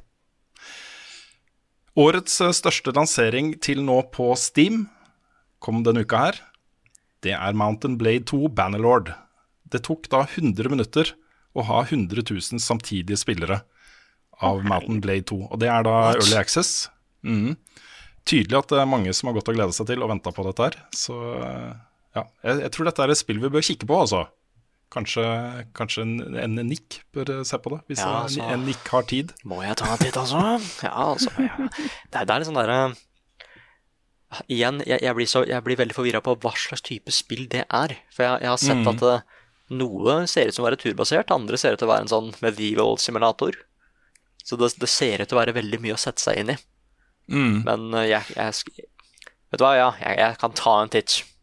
Ta en titt, eh, Nick. Se om det er Kanskje det er en, eh, en Nick-spiller eller et eller annet inni der et sted. Yeah. Det er liksom vanskelig å vite hva man skal gjøre med Early Access-spill i utgangspunktet. Skal man anmelde det? Skal man eh, lage en Let's Play-serie? Skal man ha en livestream? Eh, et eller annet. Men eh, jeg tror det er verdt å dekke det litt, også. Ja. Um, det er jo et uh, Mountain Blade er jo et uh, konsept som fjerner på en måte fantasy fra medieval. Det er hardcore medieval, hvor det, det handler om, om beleiring av borger og, og sånne ting. Sverdkamper, nærkamper. Yes, det var det jeg hadde. Hvis dere ikke har noe å legge til, så kan vi gå videre til noe jeg gleder meg veldig til. Jeg tror vi bare kjører på videre. jeg. Eh, hva kommer egentlig nå? Jeg har ikke peiling. Hva kommer nå? Det er sp spennende det som skjer i Wildcard-spalten. For jeg har egentlig ingen anelse om hva Rune har planlagt. Du snakker om noe quiz. Ja, det blir quiz. det blir quiz. Jeg har forberedt meg. Jeg har, eh, hvis jeg, Nå holder jeg opp en eh, lapp. Oi, du skal faktisk sette eh, poengsum. Jeg setter poeng, skal jeg følge med med eh, kulepenn. På en Post-It-lapp. Liksom ja, på en Post-It-lapp. Det er quiz. Oh, Og nei. dette, dette er noe som jeg har hatt lyst til å gjøre lenge, fordi um, jeg har jo opplevd ting dere ikke har opplevd, fordi jeg er født ganske lenge før dere. Fordi du er gammel. Jeg er gammel. Ja. Dette, dette er da på en måte eh, første utgave. Jeg hadde lyst til å lage en egen, egen vignett til det. Kanskje det kommer etter hvert, hvis det blir flere eh, iterations. Wow. Dette er da Runes store 80-tallsquiz. Ah, Dette okay. er da ting, ting som jeg husker godt. Dette er også personlig, da. Ja. Uh, men som skjedde da før dere ble født. ja. Før dere ble født. da veit ikke jeg det. Nei. Nei, vi får se, da. Det, det kan, bli- jeg vet ikke om det funker. Vi får se om det Kjør på. Jeg er spent. Jeg er eh, eh, eh, intrigued eh, Ja. og litt redd. Ja, det er, jeg tror det kan bli gøy. Ja. uh, vi, vi kjører på med første spørsmål. Åh, okay. Ja, jeg er så dårlig på quiz, men jeg skal prøve. På midten av 80-tallet, uh, og det er litt sånn tilbake til disse samlende tingene, ikke sant? det som samla en hel befolkning. Alle satt og så på den TV-serien der. Men det kom da en TV-serie som hadde dramatisk effekt på 11-12 år gamle meg. Uh, Det var da trolig en del sånn preferanser og sånt som ble spikra der. Eh, Serien het Lace. Jeg tror det var Kniplinger på norsk. eh, Og alle i hele Norge så den. Hva heter seriens vakre, mørkhårede hovedrolleinnehaver? Hva? Oh, uh. OK, vi skal, vi skal såpass eh, Jeg lurte på om kanskje vi skulle ha litt spe, om det var en spelquiz. Vet du hva, det er ikke et eneste spillspørsmål i denne quizen. Nei, ok. det går så dårlig! Eh, jeg OK. Jentenavn på ei vakker dame med, med mørkt hår, sier du? Mhm. Sarah. Sarah, Sarah, hvem Sarah? Bare, bare Det Sarah. var bare tilfeldig jentenavn. Ja, for dette her er jo helt eh, Jeg har ingen anelse. Ah, okay, ok. Ja. Ja, ok, okay.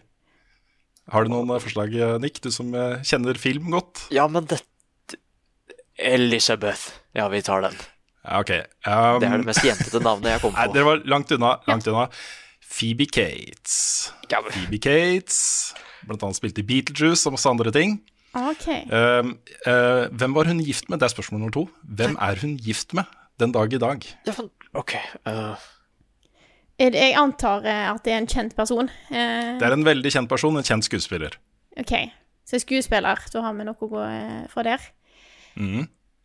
Skal vi se Hvis hun var, eh, hvis hun var skuespiller på 80-tallet Hun var med i Gremlins også. Hun? Ja. Og Be Beetlejuice. Ja. Uh, jeg, prøver, jeg bare prøver å liksom definere alder her, og hvem som kan være på jeg, Eh. jeg klarer ikke jeg, jeg, Nå må jeg tenke fælt her. Du, du, ikke google det, Frida. Nei, jeg googler ikke! Eh, Du, jeg så det bare sånn, det så ut som du fikla med telefonen din. Nei, den ligger der. Den er Ok, ok. Og hvis du tar eh, Juksing under quiz er noe av det verste jeg vet. Ja, det fins ikke verre. Nei, da er ikke, det går ikke an. Jokk. Ok, jeg tror ikke dere får det til. Nei. Dette her er Hva om jeg sier Jeg kan gi dere et hint. Okay. A fish called Wanda. Vent, så. Ja, det, det For der har vi mye bra folk. Eh, men Han er litt dum. Han er litt dum han, ja. i Fish called Wanda. jeg husker ikke hva han heter. Null poeng til begge to. Nei. Kevin Klein. Kevin Klein. Ja Okay. Vi er ikke helt ferdig med et tema som er ekstremt viktig for meg ennå. Men Nei. jeg lover det kommer andre spørsmål også. Det var fint. Hva heter filmen der Phoebe Cates kommer opp av svømmebassenget og går i slow motion mot kamera mens hun tar av seg bikinioverdelen? Jeg vet vet ja. hva scenen det er snakk om. Um, Jeg har sett den før. Men En film, sa du? Mhm. ah, den har jeg sett så mange parodier så denne bør jeg jo kunne. Men Ja, det er akkurat da. uh... Film, ja, er mm, For jeg vet, jeg vet scenen. Jeg kan se for meg. jeg, vet jeg, jeg husker er. musikken også. Såpass, ja. Og så går det. Men uh, eh, Filmnik. Ja, dette er jo hmm. Dette er jo også en ganske ikonisk film, da. Den, ja. den eh, på en måte var en av de filmene som grunnla liksom high school-sjangeren. Når eh, Ja, jeg skulle, han kom jo ut på 80-tallet, ja. Det var dumt å spørre mm. når han kom ut. Uh, ikke at jeg egentlig er noe mer eh, Nei, nå må jeg nesten gi dere eh, ti, ti sekunder. Nei, altså, jeg, er- jeg bare Jeg, jeg gir meg beskjed her. Jeg er veldig dårlig på eh, eh, navn på skuespillere. Ja, okay, ja. gjort. Eh, men ja, nei, jeg jeg Dette er ikke en quiz for deg, for det kommer flere sånne spørsmål. gleder meg! Ja, null poeng foreløpig til, alle- til begge to. Yes. Uh, filmen heter Fast Times at Ridgemont High. OK. Fast Times at Ridgemont High. Ok, ok. Tre av skuespillerne du møter i Fast Times at Ridgemont High, har senere vunnet Oscar for beste mannlige hovedrolle. Hvem snakker vi om da? Tre av skuespillerne i biroller i den filmen der. I biroller, ja. Um, Mhm. Her er det mulig å få tre poeng. Her er det mulig å få tre poeng, dere. Jeg kaster okay. ut Leonardo Di DiCaprio mm. eh, som en her. Har ikke peiling. Jeg har ingen anelse. Jeg, har ikke, jeg, er fullstendig, jeg er fullstendig clueless. Og nå prøver jeg bare å finne på navn på mannlige skuespillere som har fått Oscar. Ja. Eh, yes. Dette er liksom roller de hadde før de ble kjent. Dette var en sånn film eh, som, eh, som eh, var litt sånn lekeplass for eh, ukjente skuespillere. OK, I stor grad, da. kult. Det var liksom venner, venner av de som hadde laget filmen, som eh, stilte opp da, i små roller. Jeg innser at dette kommer til å være en quiz der jeg kommer til å lære mye. Eh, og da setter jeg òg veldig pris på. Det er, en, det er en kul måte å lære ting. Bare få Ja, men det er pusha bra. inn i, i ansiktet at 'dette kan du ikke en dritt om, Frida'. Fordi Eh, ja, Nick. noen som vant liksom Oscar for filmen, eller seinere? Åssen De har vunnet Oscar seinere. Seinere, for andre filmer. OK. Um, Jeg vil gjerne ha noen forslag på skuespillere som ja, for jeg, eh, jeg, jeg tror jeg veit om en, Ok, Uh, og det er Nicholas Cage. Mm. Men han heter ikke Nicholas Cage, og det er derfor jeg er usikker. For ah, det, Dette er det der problemet med gudfaren også, for han har vært der. Men han har ikke det samme. Han har ikke Nicholas Cage. Mm. Um, Jeg hadde akseptert Nicholas Cage, da, selv om han kanskje heter noe annet. ja, filmen. et eller annet med Holdt jeg på å si Virkola, det er feil, men uh, Coppola. Coppola, ja. ja. Mm. Uh, men bortsett fra det, så er jeg ikke helt sikker. Ok, ett poeng til Nick. Da setter jeg én ja, strek å, Nick. det er en Nicholas Cage, ja. Wow. Ja. De andre er Sean Penn og Forrest Whittaker. stemmer. De spiller da liksom kule kids eh, på high school. Det er litt morsomt. Vi skifter tema vi, bort fra Phoebe Cates. Eh, Folk skjønner kanskje at Phoebe Cates er en viktig eh, mytisk figur i eh, mitt liv og virke. Eh, Neste spørsmål. Hvem er Pat Sharp? Ingen av. Dette, er, dette er for vanskelig, Rune. Ingenting om Altså, dette er liksom det, er kanskje den viktigste personen for barn og unge på tidlig 80-tall i Norge. Den viktigste personen for barn og unge på tidlig 80-tall i Norge. Det som skjer nå, Rune, er Ja. da at eh, akkurat dette, dette tidsrommet her eh, Du er liksom Du er litt yngre. Du er en del år yngre enn foreldrene mine. Som Mhm. betyr at jeg ikke har fått alle disse fun factsa om disse Nei. kjente tingene fra deg. Ja. For jeg mangler den generasjonen. Det er det som har skjedd her nå. eh, Ja, ok, Yes. Vi setter null poeng på den også. Han var da VJ på Sky Channel. Og da Sky Channel kom til Norge, det var et event, altså. Da kom det kabel-TV liksom inn i norske hjem med musikkvideoer og kule shows og tegneserier og He-Man og hele pakka, liksom. Pat Sharp, superkjendis på 80-tallet i Norge. Wow. You, you should have been right. there. Ja. Ok. Fullfør denne setningen, folkens. Ok. Ja. You spin me right round, baby. Right round. Like a record baby round Round, round, round? Er det det? Ja, har du et uh, forslag, Nick? Ja, thank you. Right round, right round, ja. Baby right round. Uh, dette er ikke filmspørsmål. Uh, jeg tenkte også Record Baby, men øh, You spin me Like a record baby Den høres veldig riktig ut. Jeg, uh, jeg gir dere ett poeng hver der, jeg. Yes! Ja, like a record baby. Right round, round, round. Ah, ok. Ett poeng til Nick og ett poeng til Frida. Yes. High five. Musikk, da begynner jeg å nærme meg et eller annet. Hvilken legendarisk produsenttrio produserte denne låta? Uh, um, trio. Å, jeg trodde du skulle spille låta. Det er det fortsatt uh... Ja, det er uh, Spin Me Right Round. Når eh, Jeg er jo med på et quiz. Men er ikke det fire? Nå, ble, nå, nå tenker jeg feil. Uh, nei, jeg er med på et quizlag. Hver torsdag, vanligvis, så er det quiz. Og hver gang vi kommer til uh, musikkbiten, så er det ofte en sånn kategori. Og hver gang det er 80-tallet, så sier jeg ja, men det er fint, da går jeg og bare kjøper meg en øl, jeg. Og så tar jeg og Ok, Ja. jeg skal eh, jeg, jeg, gå videre. Dere kommer ikke til å klare det. Men det er Stock, Aitken, Waterman, og de dominerte jo liksom musikklistene på 80-tallet. De hadde, um, de hadde uh, Never Gonna Give You Up, Rick Astley, eh, I Should Be So Lucky, Kylie Minogue. Eh, de hadde masse Bananarama, everything. De var overalt. Er Alle låtene kult. hørtes helt like ut. Det er veldig kult hvordan du har noen um, produsenter opp gjennom tida som har vært veldig eh, på en måte Hva er ordet? Scenesetterne. For, for liksom en så stor sjanger med musikk. Da, har- da syns jeg er veldig interessant. Ja. Vi går eh, videre til et spørsmål jeg tror dere bør klare. Hjelp. En av de mest ikoniske 80-tallsfilmene handler om en samling av stereotypiske high school kids som har gjensitting på skolen sammen. Hva heter filmen? Breakfast Club. Ja, hvis jeg, får poeng. ja ok, ja. Jeg holdt på å si er det greit Nei, jeg holdt på å si er det greit å si det samme, men jeg Du kan ta den. Ja, hun var først ute. Jeg tenker at du innfører det som regel også. Hvis det er et spørsmål begge kan, og én sier det først, så får eh, den poenget. Ja. Det er veldig et, spennende her nå. du har fått et poeng før, så derfor vil jeg være litt frampå, Nick. Okay. Det er veldig spennende her nå. Det er uavgjort. 2-2. Det er ikke så mange spørsmål igjen. Hvem kommer til å vinne denne quizen? Spent! døtte. På starten av 80-tallet, det her kan dere resonnere dere fram til, tror jeg, hvis ikke dere vet det, okay. kom det en film som fikk hele Norge til å diskutere om vold på kino og video kunne være skadelig. Det var en stor samfunnsdebatt. Hvilken film er dette?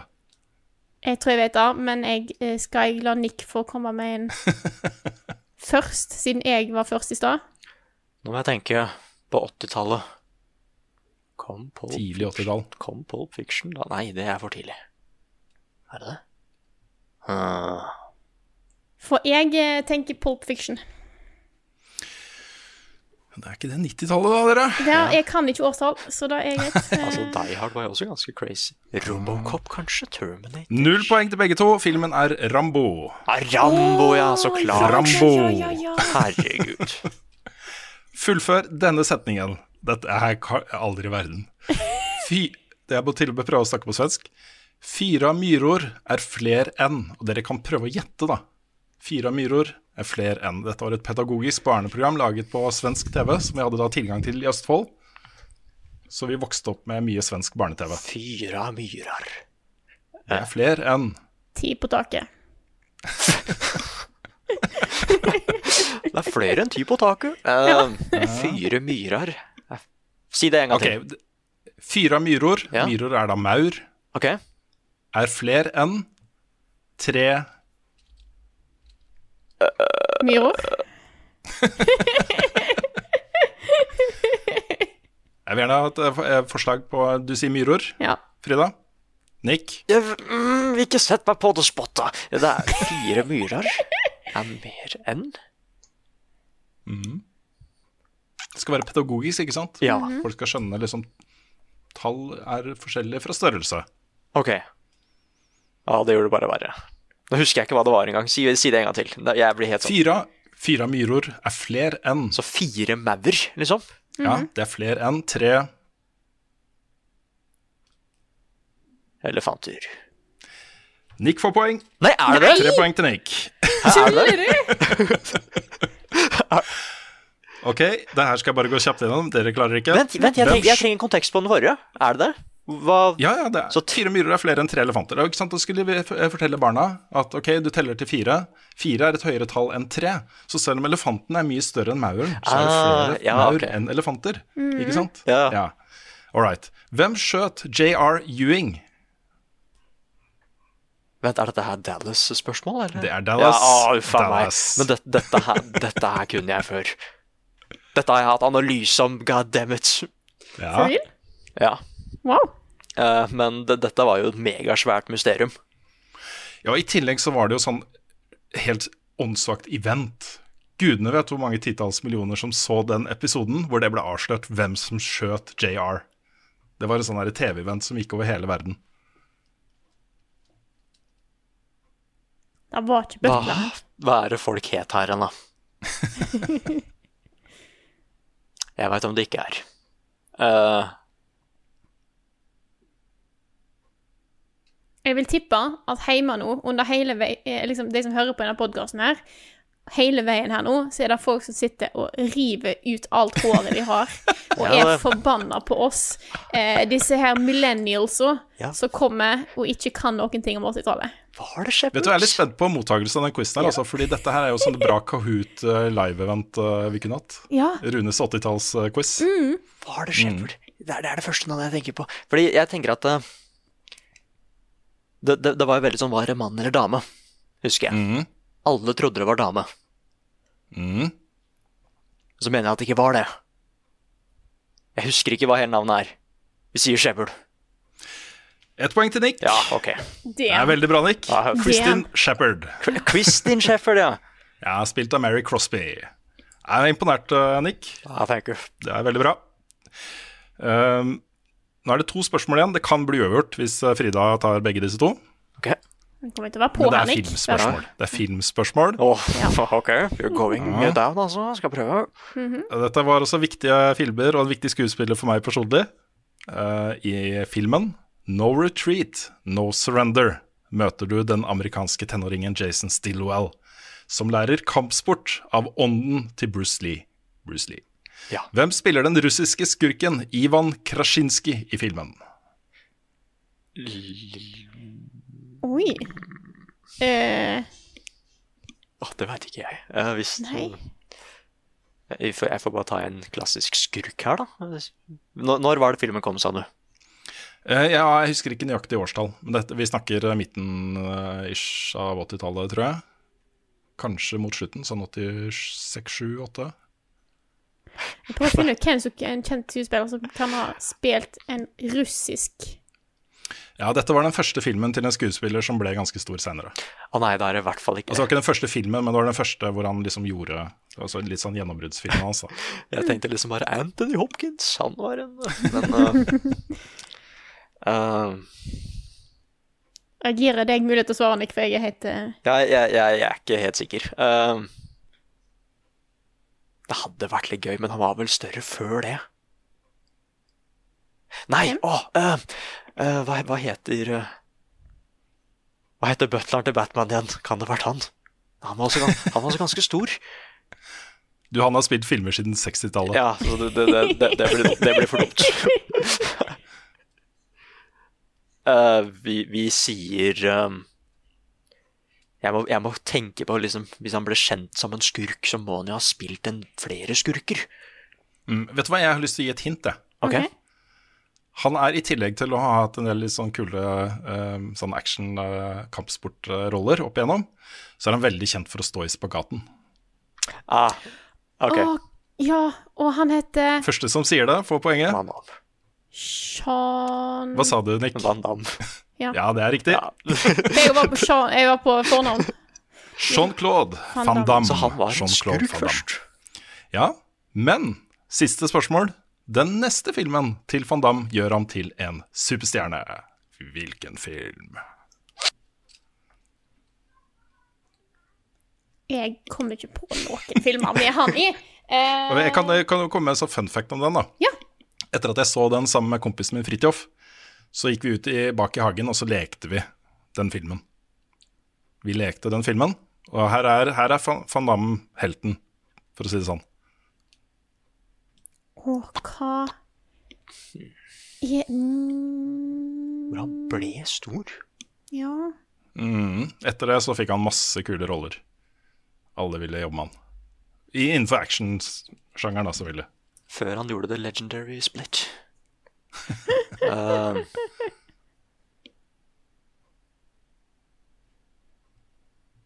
Nei, dette var ikke min dag i dag, eh, sier jeg. Men eh, To poeng til Frida, altså. Ja, det er Nå har du mulighet til å enten slå meg, Nick, eller eh, knuse meg. Det, er- det er de Mhm. to mulighetene du har nå. Jeg sier det. jeg Ja. øh, hmm. ha, Mm. Var det Har confirmed at han spilte Predator? Nei, fordi han hadde ikke Du- blitt kjent da. Nei, han skulle, han skulle ha en rolle i Predator, men han ble erstatta i siste liten. Så isteden har han jobba som stuntkoordinator på den filmen. Det var sånn det var. Ok. Mm, for han var kompis med Chuck Norris og gjengen. Ja, ja. mm. Nei, da er jeg ikke helt sikker. Jeg holdt på å si han har til og eh, med jobbet som, han har jobbet som bartender i baren til Chuck Norris før han ble kjent. Det er interessant. Ja. Filmen er, nå sier jeg det, Ja. ok. Bloodsport. Dere må se den. Ah, okay. Det er en sånn klassisk eh, actionfilm fra slutten av 80-tallet. Den vet ikke om jeg har hørt om engang. Ja, den er veldig bra. Ja, er Jeg tror det var der som Ja, jeg tror en av de mest kjente scenene er at motstanderen hans da han er med i en sånn turnering som heter Bloodsport, uh, hvor alt er lov. Og en han kjemper mot, tar sånn bandasje på hendene sine, og så dytter han, um, dytter han hendene ned i uh, glass. Så han har liksom glass da på bandasjen når han skal slåss med van Damme, ikke sant. Og Har du sett parodien av den? I den der um, Hotshot-filmen? Ja, ja, ja, det er så gøy. Det er kjempemorsomt. Det er sånn, Du har en, en eh, fiende som dup, dupper henda i lim, og så spiker, ikke sant? Og så kommer han Mm. andre og bare dupper henda i lim. Og så bare OK, jeg tar med noe Oreo-kjeks der. Godteri her. Så bare tenker han litt. ah, OK, noe Nonstop òg, da. Så slåss han. Ah, Yes. Jeg holdt på å si, er, okay. er, er, er det den filmen hvor han ser på TV-en og ser litt trist ut? Som de gjorde narr av på Ja, det, jeg husker ikke. Det kan godt tenkes. Ja, for det er en sånn uh, veldig kjent reklame på Viasat 4, husker jeg. At han, han ser på TV-en og tenker at 'jeg husker det jeg kunne gjøre'. The Legendary Split. Og det tror jeg Ja, ja, ja. de gjør liksom litt narr av det, da. Og jeg mener at det er fra den filmen, men Ja, han, han har jo, det har kommet, Jeg har ikke sett den sjøl, men han har jo lagd en sånn, der, sånn fake dokumentarserie om seg selv. som, eh, som er ganske morsom. hvert. Så ja. Eh, greit, vi, eh, det er på tide å kåre en vinner. Vinneren av eh, Runes første store 80-tallsquiz er Nick med fem poeng. Du vinner en date med Phoebe Cates. Åh. Mm. Taperen av quizen er Frida Ja. med to poeng. Ja. Du vinner et døgn med Never Gonna Give You Up på repeat. Nei, åh. Det er harsh. Jeg må eh, si eh, det var en veldig god quiz, eh, Rune. Det er bare jeg som ikke er verdig nok til å eh, gjennomføre den. Men jeg, jeg gleder meg allerede til runde nummer to. Kanskje jeg skal lese meg litt opp på 80-talls fun facts. Ja, det er jo, det er jo juks. Da skal jeg ikke lese meg opp på 80-talls fun facts, eh, og leve livet mitt som vanlig videre. Eh, der jeg ikke kan noen ting om 80-tallet. Nei. tydeligvis. Ja. Jeg har en mistanke om at det var mye morsommere å lage og stille den quizen her, enn det var å faktisk uh, høre på den. Så jeg håper, jeg håper, jeg håper det er innafor. Likte Helt.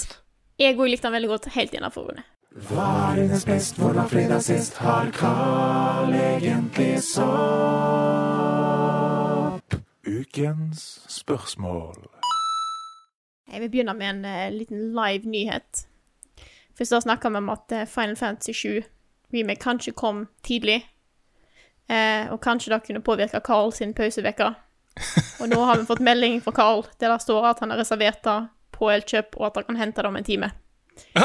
Jesus Christ. Back to work. Så tippe God helg til Carl. Yes. Eh, jeg er veldig glad på Carl sine vegne. At han ah. kan få det åtte dager før det egentlig skulle komme. Da Ja, det er helt konge. unner jeg Carl. Det er helt sant, det er Åtte dager, dager sier til. timer. Nei, du sa åtte dager. Ja, jeg sa Ja. det. Jeg tenkte bare, er det så lenge? Og det er altså. Det er det. Mm. Ja, Så- det er konge. Så vil jeg bare gi beskjed om det, så håper jeg det stemmer at det ikke er bare en feil i systemet til Elkjøp. Vi tar første spørsmål her fra Christian Laksmark, som skriver favoritt-vannlevel. Vannlevel har jo faktisk en ten, Eller har jo liksom blitt en sånn hat-ting. Føler jeg at eh, vannlevel er alltid noe dritt. Men her er det altså favoritt-vannlevel. Hva, har, eh, hva har dere på lista deres der? Ja, jeg har to. Du har to? Det første er eh, Jolly Roger Bay fra Super Mario. For musikken er så fin. Den derre. Husker dere den? Nei. Nei, ok, men det er fin musikk. Får bare stole på meg, altså. Eh, og den andre, det er vannlevelet i det første God of War. Poseidon sitt tempel, for den syns jeg har så gode puzzles.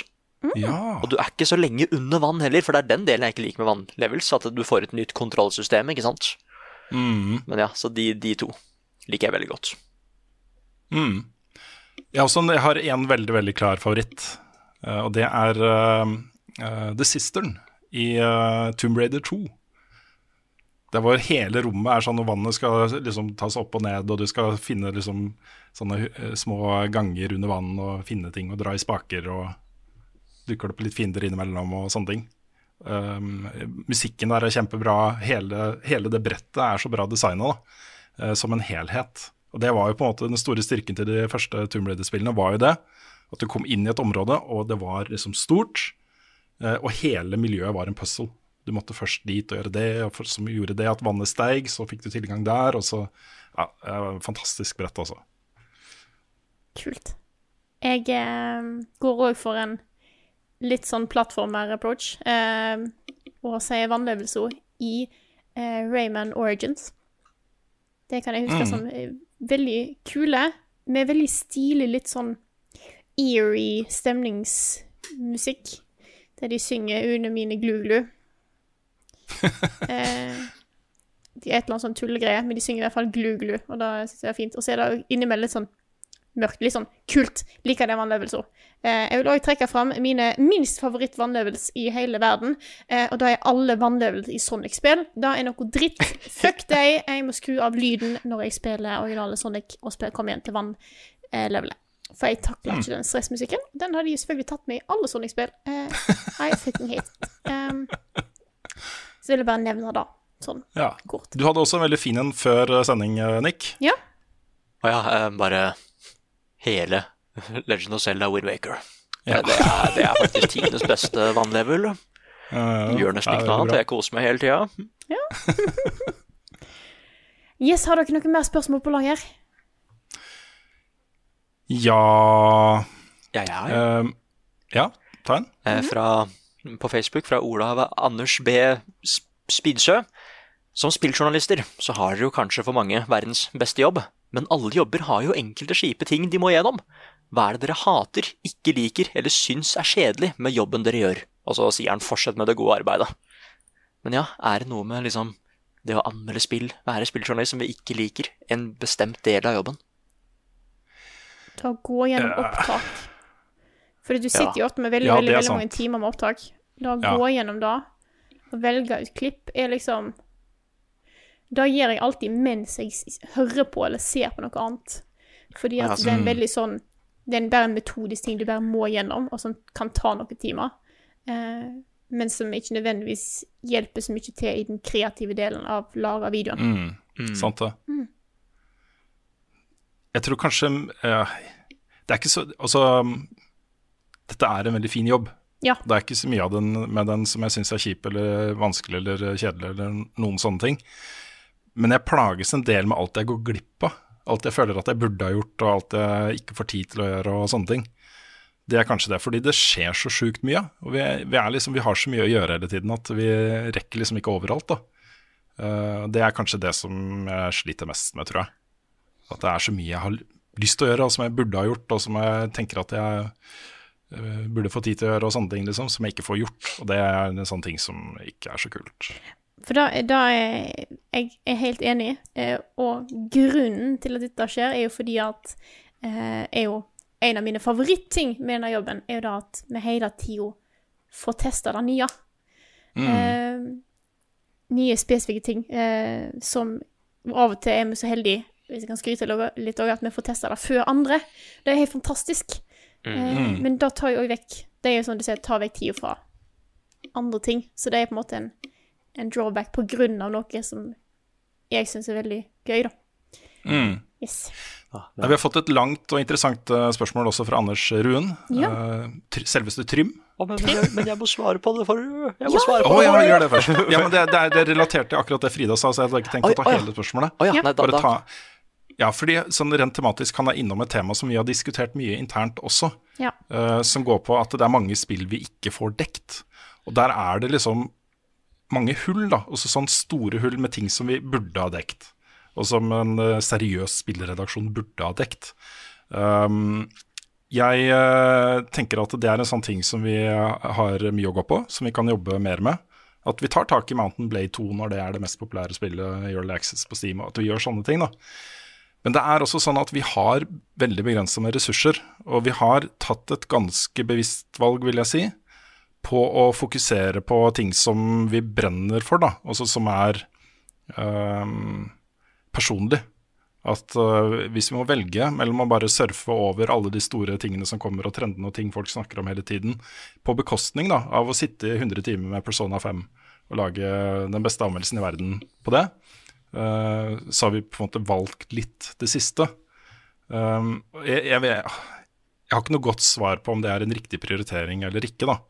Um, og så tror jeg også at folk glemmer litt at vi anmelder faktisk og dekker ganske mange og et bredt spekter av spill i løpet av et år. Det er ikke sånn at vi bare sitter og snakker om Jeg har ikke lyst til å si det, for vi har ikke nevnt det så langt i sendingen. Nei, men uh, et, et spill nei, som går igjen ganske nei, mye. um, men dette handler jo, altså når vi snakker mye om de tingene, så handler det om at vi leverer av oss selv. da. Vi snakker om ting som vi brenner for, og som vi er lidenskapelig opptatt av, og de tingene. Eh, Det er ikke det at vi bare bruker tid på de tingene, men vi um, ja, Men det, det. det, blir jo da at noen sjangere blir eh, av og til nedprioritert. Og det er veldig synd, fordi det er jo sjangere som veldig mange er interessert i. Så det er jo Mm. ting med helt klart fortsatt skal fortsette å ta diskusjon på internt. Eh, Ja. For det er verdt å ta den diskusjonen. Mm. Og Nei, jeg, jeg, syns, jeg syns vi kan bli flinkere Ja. til å ta Ja, tak ja, i de der tingene som dukker opp. Og det er så mange av dem mm. sant. som har kommet og gått gjennom åra. Yes. Ja, jeg Nick. beklager digresjonen, Nick. Nei, det var jo helt fint. Mens det jeg liker minst, er eh, Eller jeg, jeg hater det ikke, men voiceover og sånn. For jeg har ikke et stabilt eh, lydoppsett. Så lyden min blir veldig det, det er så veldig Enten blir den for høy, eller så blir den for lav, så det tar litt tid å etterarbeide det. Ja.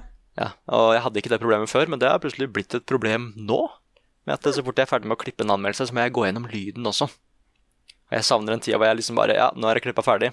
Alt er perfekt. Bam! Bare sender det ut.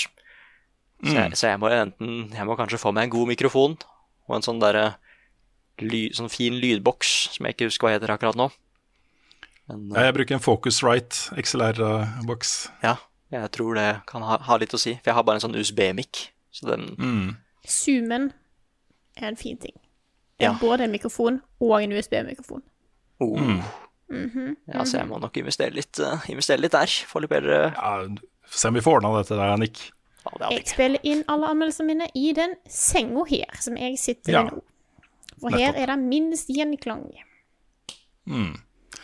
For der er det best akustikk. Yes. Annen, ja. Fordi vi er veldig, veldig gode. Yes. Da var Da var en liten der. Har vi et spørsmål til? Rune, har du et, for eksempel? Du, jeg har lyst til å ta noen kjappe, Ja. som er mer sånne kjappe svar og noen anbefalinger som har kommet inn. Yes. Um, det jeg kan starte med et fra Jakob, som uh, skriver de, de enorme svingningene i kronekursen den siste tiden har gjort at verdien av Levelups månedlige Patron-inntekter har svingt fra ca. 95 000 kroner til over 120 000 kroner 22. Uh, timer dere uttak og omveksling til kroner for å maksimere inntektene? Og svaret på det er nei. De pengene blir trukket første i måneden, og da kan ikke vi gjøre så mye med. Nei. Og så er det også sånn at, øhm, at selv om dette da utgjør ja, 25 000 kroner, så er det ikke sånn at oi, da går vi og kjøper champagne og sånne ting. Vi går med litt minus hver måned. Og det kan vi gjøre fordi vi det første året var på sluttpakker. Eh, og da gikk mesteparten av patron-inntektene til et øh, sånn øh, ja, oppsparte midler som vi kan tære litt av da, fra år til år. Så, øh, så det, er, det gjør ikke noen kjempestor forskjell, men det er selvfølgelig uh, bra da, at vi kan bremse den at vi går litt i minus. Eh, og så tenker vi at dette er midlertidig. Valutakurser svinger.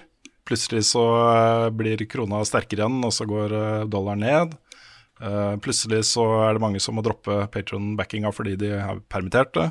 Så eh, vi Det påvirker oss ikke så mye, akkurat den ene lille summen den ene måneden.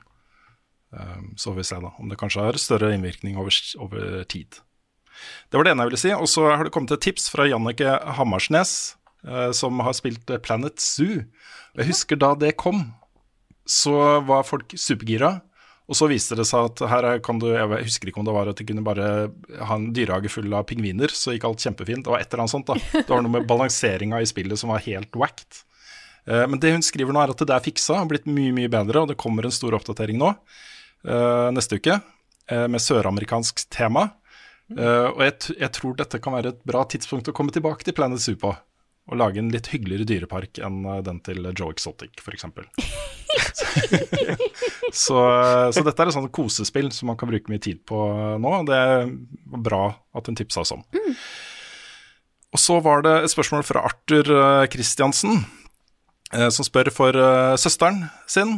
Um, I og med at den nye Animal Crossingen har kommet ut, lurer jeg på forskjellen mellom Nintendo Switch og Nintendo Switch Lite. Er det noen viktige kritiske ulikheter, som at noen spill ikke kan spilles på Lite? Og det er det ikke. Den eneste forskjellen er at Lite-versjonen er kun håndholdt. Du kan ikke koble den til en TV-skjerm, bare spille håndholdt. Yes. Og så det siste tingen jeg ville ta, og som også er et tips, fra Thomas Løkke Andersen, som har rota i gamle spillelister på Spotify og kommet over brukeren Insane in. Insane in the Rain. Insane in the Rain Music, skrevet som ett ord, som lager coverlåter av spillmusikk i jazzsjangeren. Stor fan av Insane in the Rain. Jeg har Ja. vel anbefalt han for mange år siden, tror jeg. Ja, for jeg mente jeg husker jeg hadde hørt det navnet før. Han eh, lager kontinuerlig masse ting. Han lagde en fantastisk fin jazzcover av 5 PM-tracket fra Animal Crossing. Eh, han eh, anbefaler jeg eh, på det sterkeste. Jeg har så mange av sangene hans på spillelisten min. Ja, ja, de har Metal Gear og alt mulig rart Ja, der. ja. Så ja, jeg hørte litt på den når jeg så det tipset. Burde jo selvfølgelig gjort det da du tipsa om det, da, Frida, men jeg tror jeg bare glemte det. Det går fint. Jeg kaster ut så mye eh, spillgreier uansett. Nå, jeg bare i samme, samme gata, jeg har anbefalt det før fordi jeg ble anbefalt via Patron. Eh, 8-bit big band og har mye kult. ja, nettopp. Dritbra. Uh, så Mm. kast ut den. kan jeg ta et lite spørsmål? Mhm. Dette er fra Siri Karlsen. Det skrev jeg. I disse dager er det mange som baker og eksperimenterer på kjøkkenet. Har dere eh, flere gode oppskrifter på lager, annet enn Runes sjokoladekake? Eh, og her vil jeg bare igjen kaste ut de fantastiske kildene til oppskrifter, eh, som er Bon Appetit sin eh, YouTube-kanal. Eh, det har de veldig mye kule oppskrifter som de eh, har. Jeg vil anbefale den som heter Hva heter den? Sweet and spicy sambal pork noodles. Den er helt nydelig. Oh, det høres godt ut. Det er superlett å lage. Hele greia å ta Altså, det er superenkle ingredienser. Veldig enkle steg. Eh, ting du får kjøpt på helt, din helt vanlige lokalbutikk. Eh, og så skal det bare stå og koke i sånn 40 minutter, tror jeg, og så blir det bare nydelig. Eh, så du kan gjøre den så spicy som du sjøl vil. Eh, for du har oppi det som heter sambal oelek, som er en sånn chili paste-lignende ting. Eh, den anbefales. Søk opp den. Jeg er ganske sikker på at det er den heter. Eh, og så kan jeg òg anbefale eh, Binging with Babish. Han har en serie som heter Basics, eh, der han går gjennom ganske basic på en måte, ting. Han har en carbonara-oppskrift som er dritgod, eh, og jeg har pizzadeigen hans stående på heving. Eh, I dag blir det pizza. Den har stått på heving siden i går. Anbefales å gi litt sånne ting. Tidligere i uka Ja. lagde jeg lapskaus. Kjør Nice. gammel, tradisjonelt norsk eh, husmannskost som skal koke i tre timer. Elsker det. Eh, Mm. Jeg har et veldig bra tips, jeg også. Frokost slash lunsj-tips, som Ja. jeg fikk på Imager. Mhm. Der er det jo av og til sånne eh, gifs med oppskrifter. Dette er, dette er superenkelt. Det tok ti minutter å lage frokost eh, til eh, fire personer. Um, først blande et egg, piske et egg, sånn at gule og det hvite blandes. Legge det utover stekepanna og steke det lite grann. Så legge en tortillalefse oppå, sånn at det fester seg litt i den. Så snur du det, og så strør du og tar det på skinke, eller hva du vil, da, og revet ost. Og så bretter du den sammen som en eh, burrito, og skjærer den opp da, eventuelt i mindre biter og sånt. Det bare kjempekjapt. Veldig, veldig, veldig godt. Ja, og en god måte da å bruke opp de uh, tortillalefsene som blir til overs etter tacomiddagen, f.eks. Veldig, veldig kult. Jeg har et egg. Jeg har ett egg igjen. Ja. et, eh, så det, dette skal jeg teste. Innser at jeg Ja. ikke har skinke. Jeg må på butikken. Ja, Yes. det kan være. Også, jeg, jeg, tenker at her liksom spekeskinke hadde sikkert vært kjempegodt. Mhm. Eh, kanskje kylling, barbecue-kylling. Oh, Ja, mye man kunne hatt der altså, som uh, hadde vært kjempegodt. Oh. Ti minutter altså. Middag, eh, lunsj til fire. Eller brunch ble det vel. Det var sånn. Brunch. Brunch. Mm. Har vi et siste spørsmål? Ja, jeg har lyst til å ta dette, så kan vi avslutte. Ja. Okay. Fordi det er en eh, fin avslutning. Ole Bastian Løken, aldri mer spill eller aldri mer film og serier? Oh jeg vet ikke om jeg prøver å avsløre om uh, hvor, uh, hvor eh, entusiaster vi er for jobben vår. jeg tror jeg hadde gått for aldri mer film og serier. ja, samme her. Ja. Samme her. Det kan jeg si med hånden på hjertet, til og med. Ja, det er Ja. Vi dømmer ingen her nå, Nick. Ok, bra, dømming. det kan hende. Jeg hadde nok kanskje gitt å spill! Jeg hadde nok kanskje gitt å spill! Jeg, jeg, jeg, Du har jo Du brenner jo for film, og dette vet Ja, det jo. det. Det her er jo ingen måte Det er ikke noe skam å si det på i en podkast. Men det er jo filmskaper du vil bli når du blir stor, er det ikke det? Ja, det er sant. Mm. Altså, jeg, jeg- det, er, det er sånn Spill er fortsatt ti og ti, det òg, altså. Akkurat som film. Ja, ja, ja. Men hvis jeg må velge, det er eh, Jeg håper ikke jeg kommer i den situasjonen, men jeg, jeg tror nok jeg hadde valgt eh, at jeg beholder film og serier, altså. Mm. Det er et eller annet med det. Det er, det er helt uh, greit, Annik. Okay, så vi, Det er sånn, jeg er også veldig nerve Det er close, da. Det er close call. Men uh, det, som, det som fikk meg til å liksom utvilsomt velge spill, er liksom Skal jeg liksom ikke spille et spill som God of War igjen? Eller uh, sant? Det, er, det, det fremstår som helt utenkelig for meg, da. ja, fordi jeg, jeg gleder meg mer til spill enn film. Det gjør jeg. Mm. Men det er den derre det, det kan også ha at jeg, jeg er så Jeg må ikke vingle det feilen holdt på å si at jeg respekterer filmindustrien så mye også, åssen ting ble lagd. Men det gjør jeg med spill òg, så klart. Men bare det at jeg kan litt mer om film, gjør at jeg setter mer pris på det. Men jeg setter også pris på Den er vanskelig, altså. Men, Ja, den er vanskelig. Men, ja, men jeg har bare fått sånn Hvis du hadde spurt meg for sånn fire år siden, så hadde jeg nok sagt at jeg beholder spill. Mm. Men, det, men så ble jeg forelska i film. Rett og slett. Så nå håper jeg ikke vi skal ta en sånn samtale på bakrommet etterpå, ass. Bare alle Nei, det, er, det, er helt, det, det er helt greit, eh, Nick. Det er helt greit. Og, eh, og med den skal vi ta en runde av eh, her for i dag. Du har hørt på Level Backup, som er en spillpodkast utgitt av moderne media. Låten i introen og outroen er skrevet av Ole Sønnik Larsen og komponert, nei, arrangert, fader. Låten i introen og outroen er skrevet av Ole Sønnik Larsen og arrangert og framført av Kyoshu Orkestra. Vignettene du hører på, er lagd av fantastiske Martin Herfjord med et innslag av Rune Fjell Olsen. Du finner masse mer innhold uh, fra oss på YouTube-kanalen vår, youtube.com slash levelupnord, eller bare søke på Level Up Norge der. Uh, og på twitch.tv slash levelupnord, der vi streamer masse, masse i disse dager her. Hvis du vil være med på å sørge for at vi kan lage masse innhold i tida som kommer, så er det bare til å gå inn på patreon.com slash levelupnorge og støtte med det du sjøl har lyst til slash muligheten til, hvis du ønsker det. Eh, tusen takk til alle som bidrar, og til alle som har hørt på. Vi snakkes igjen neste uke.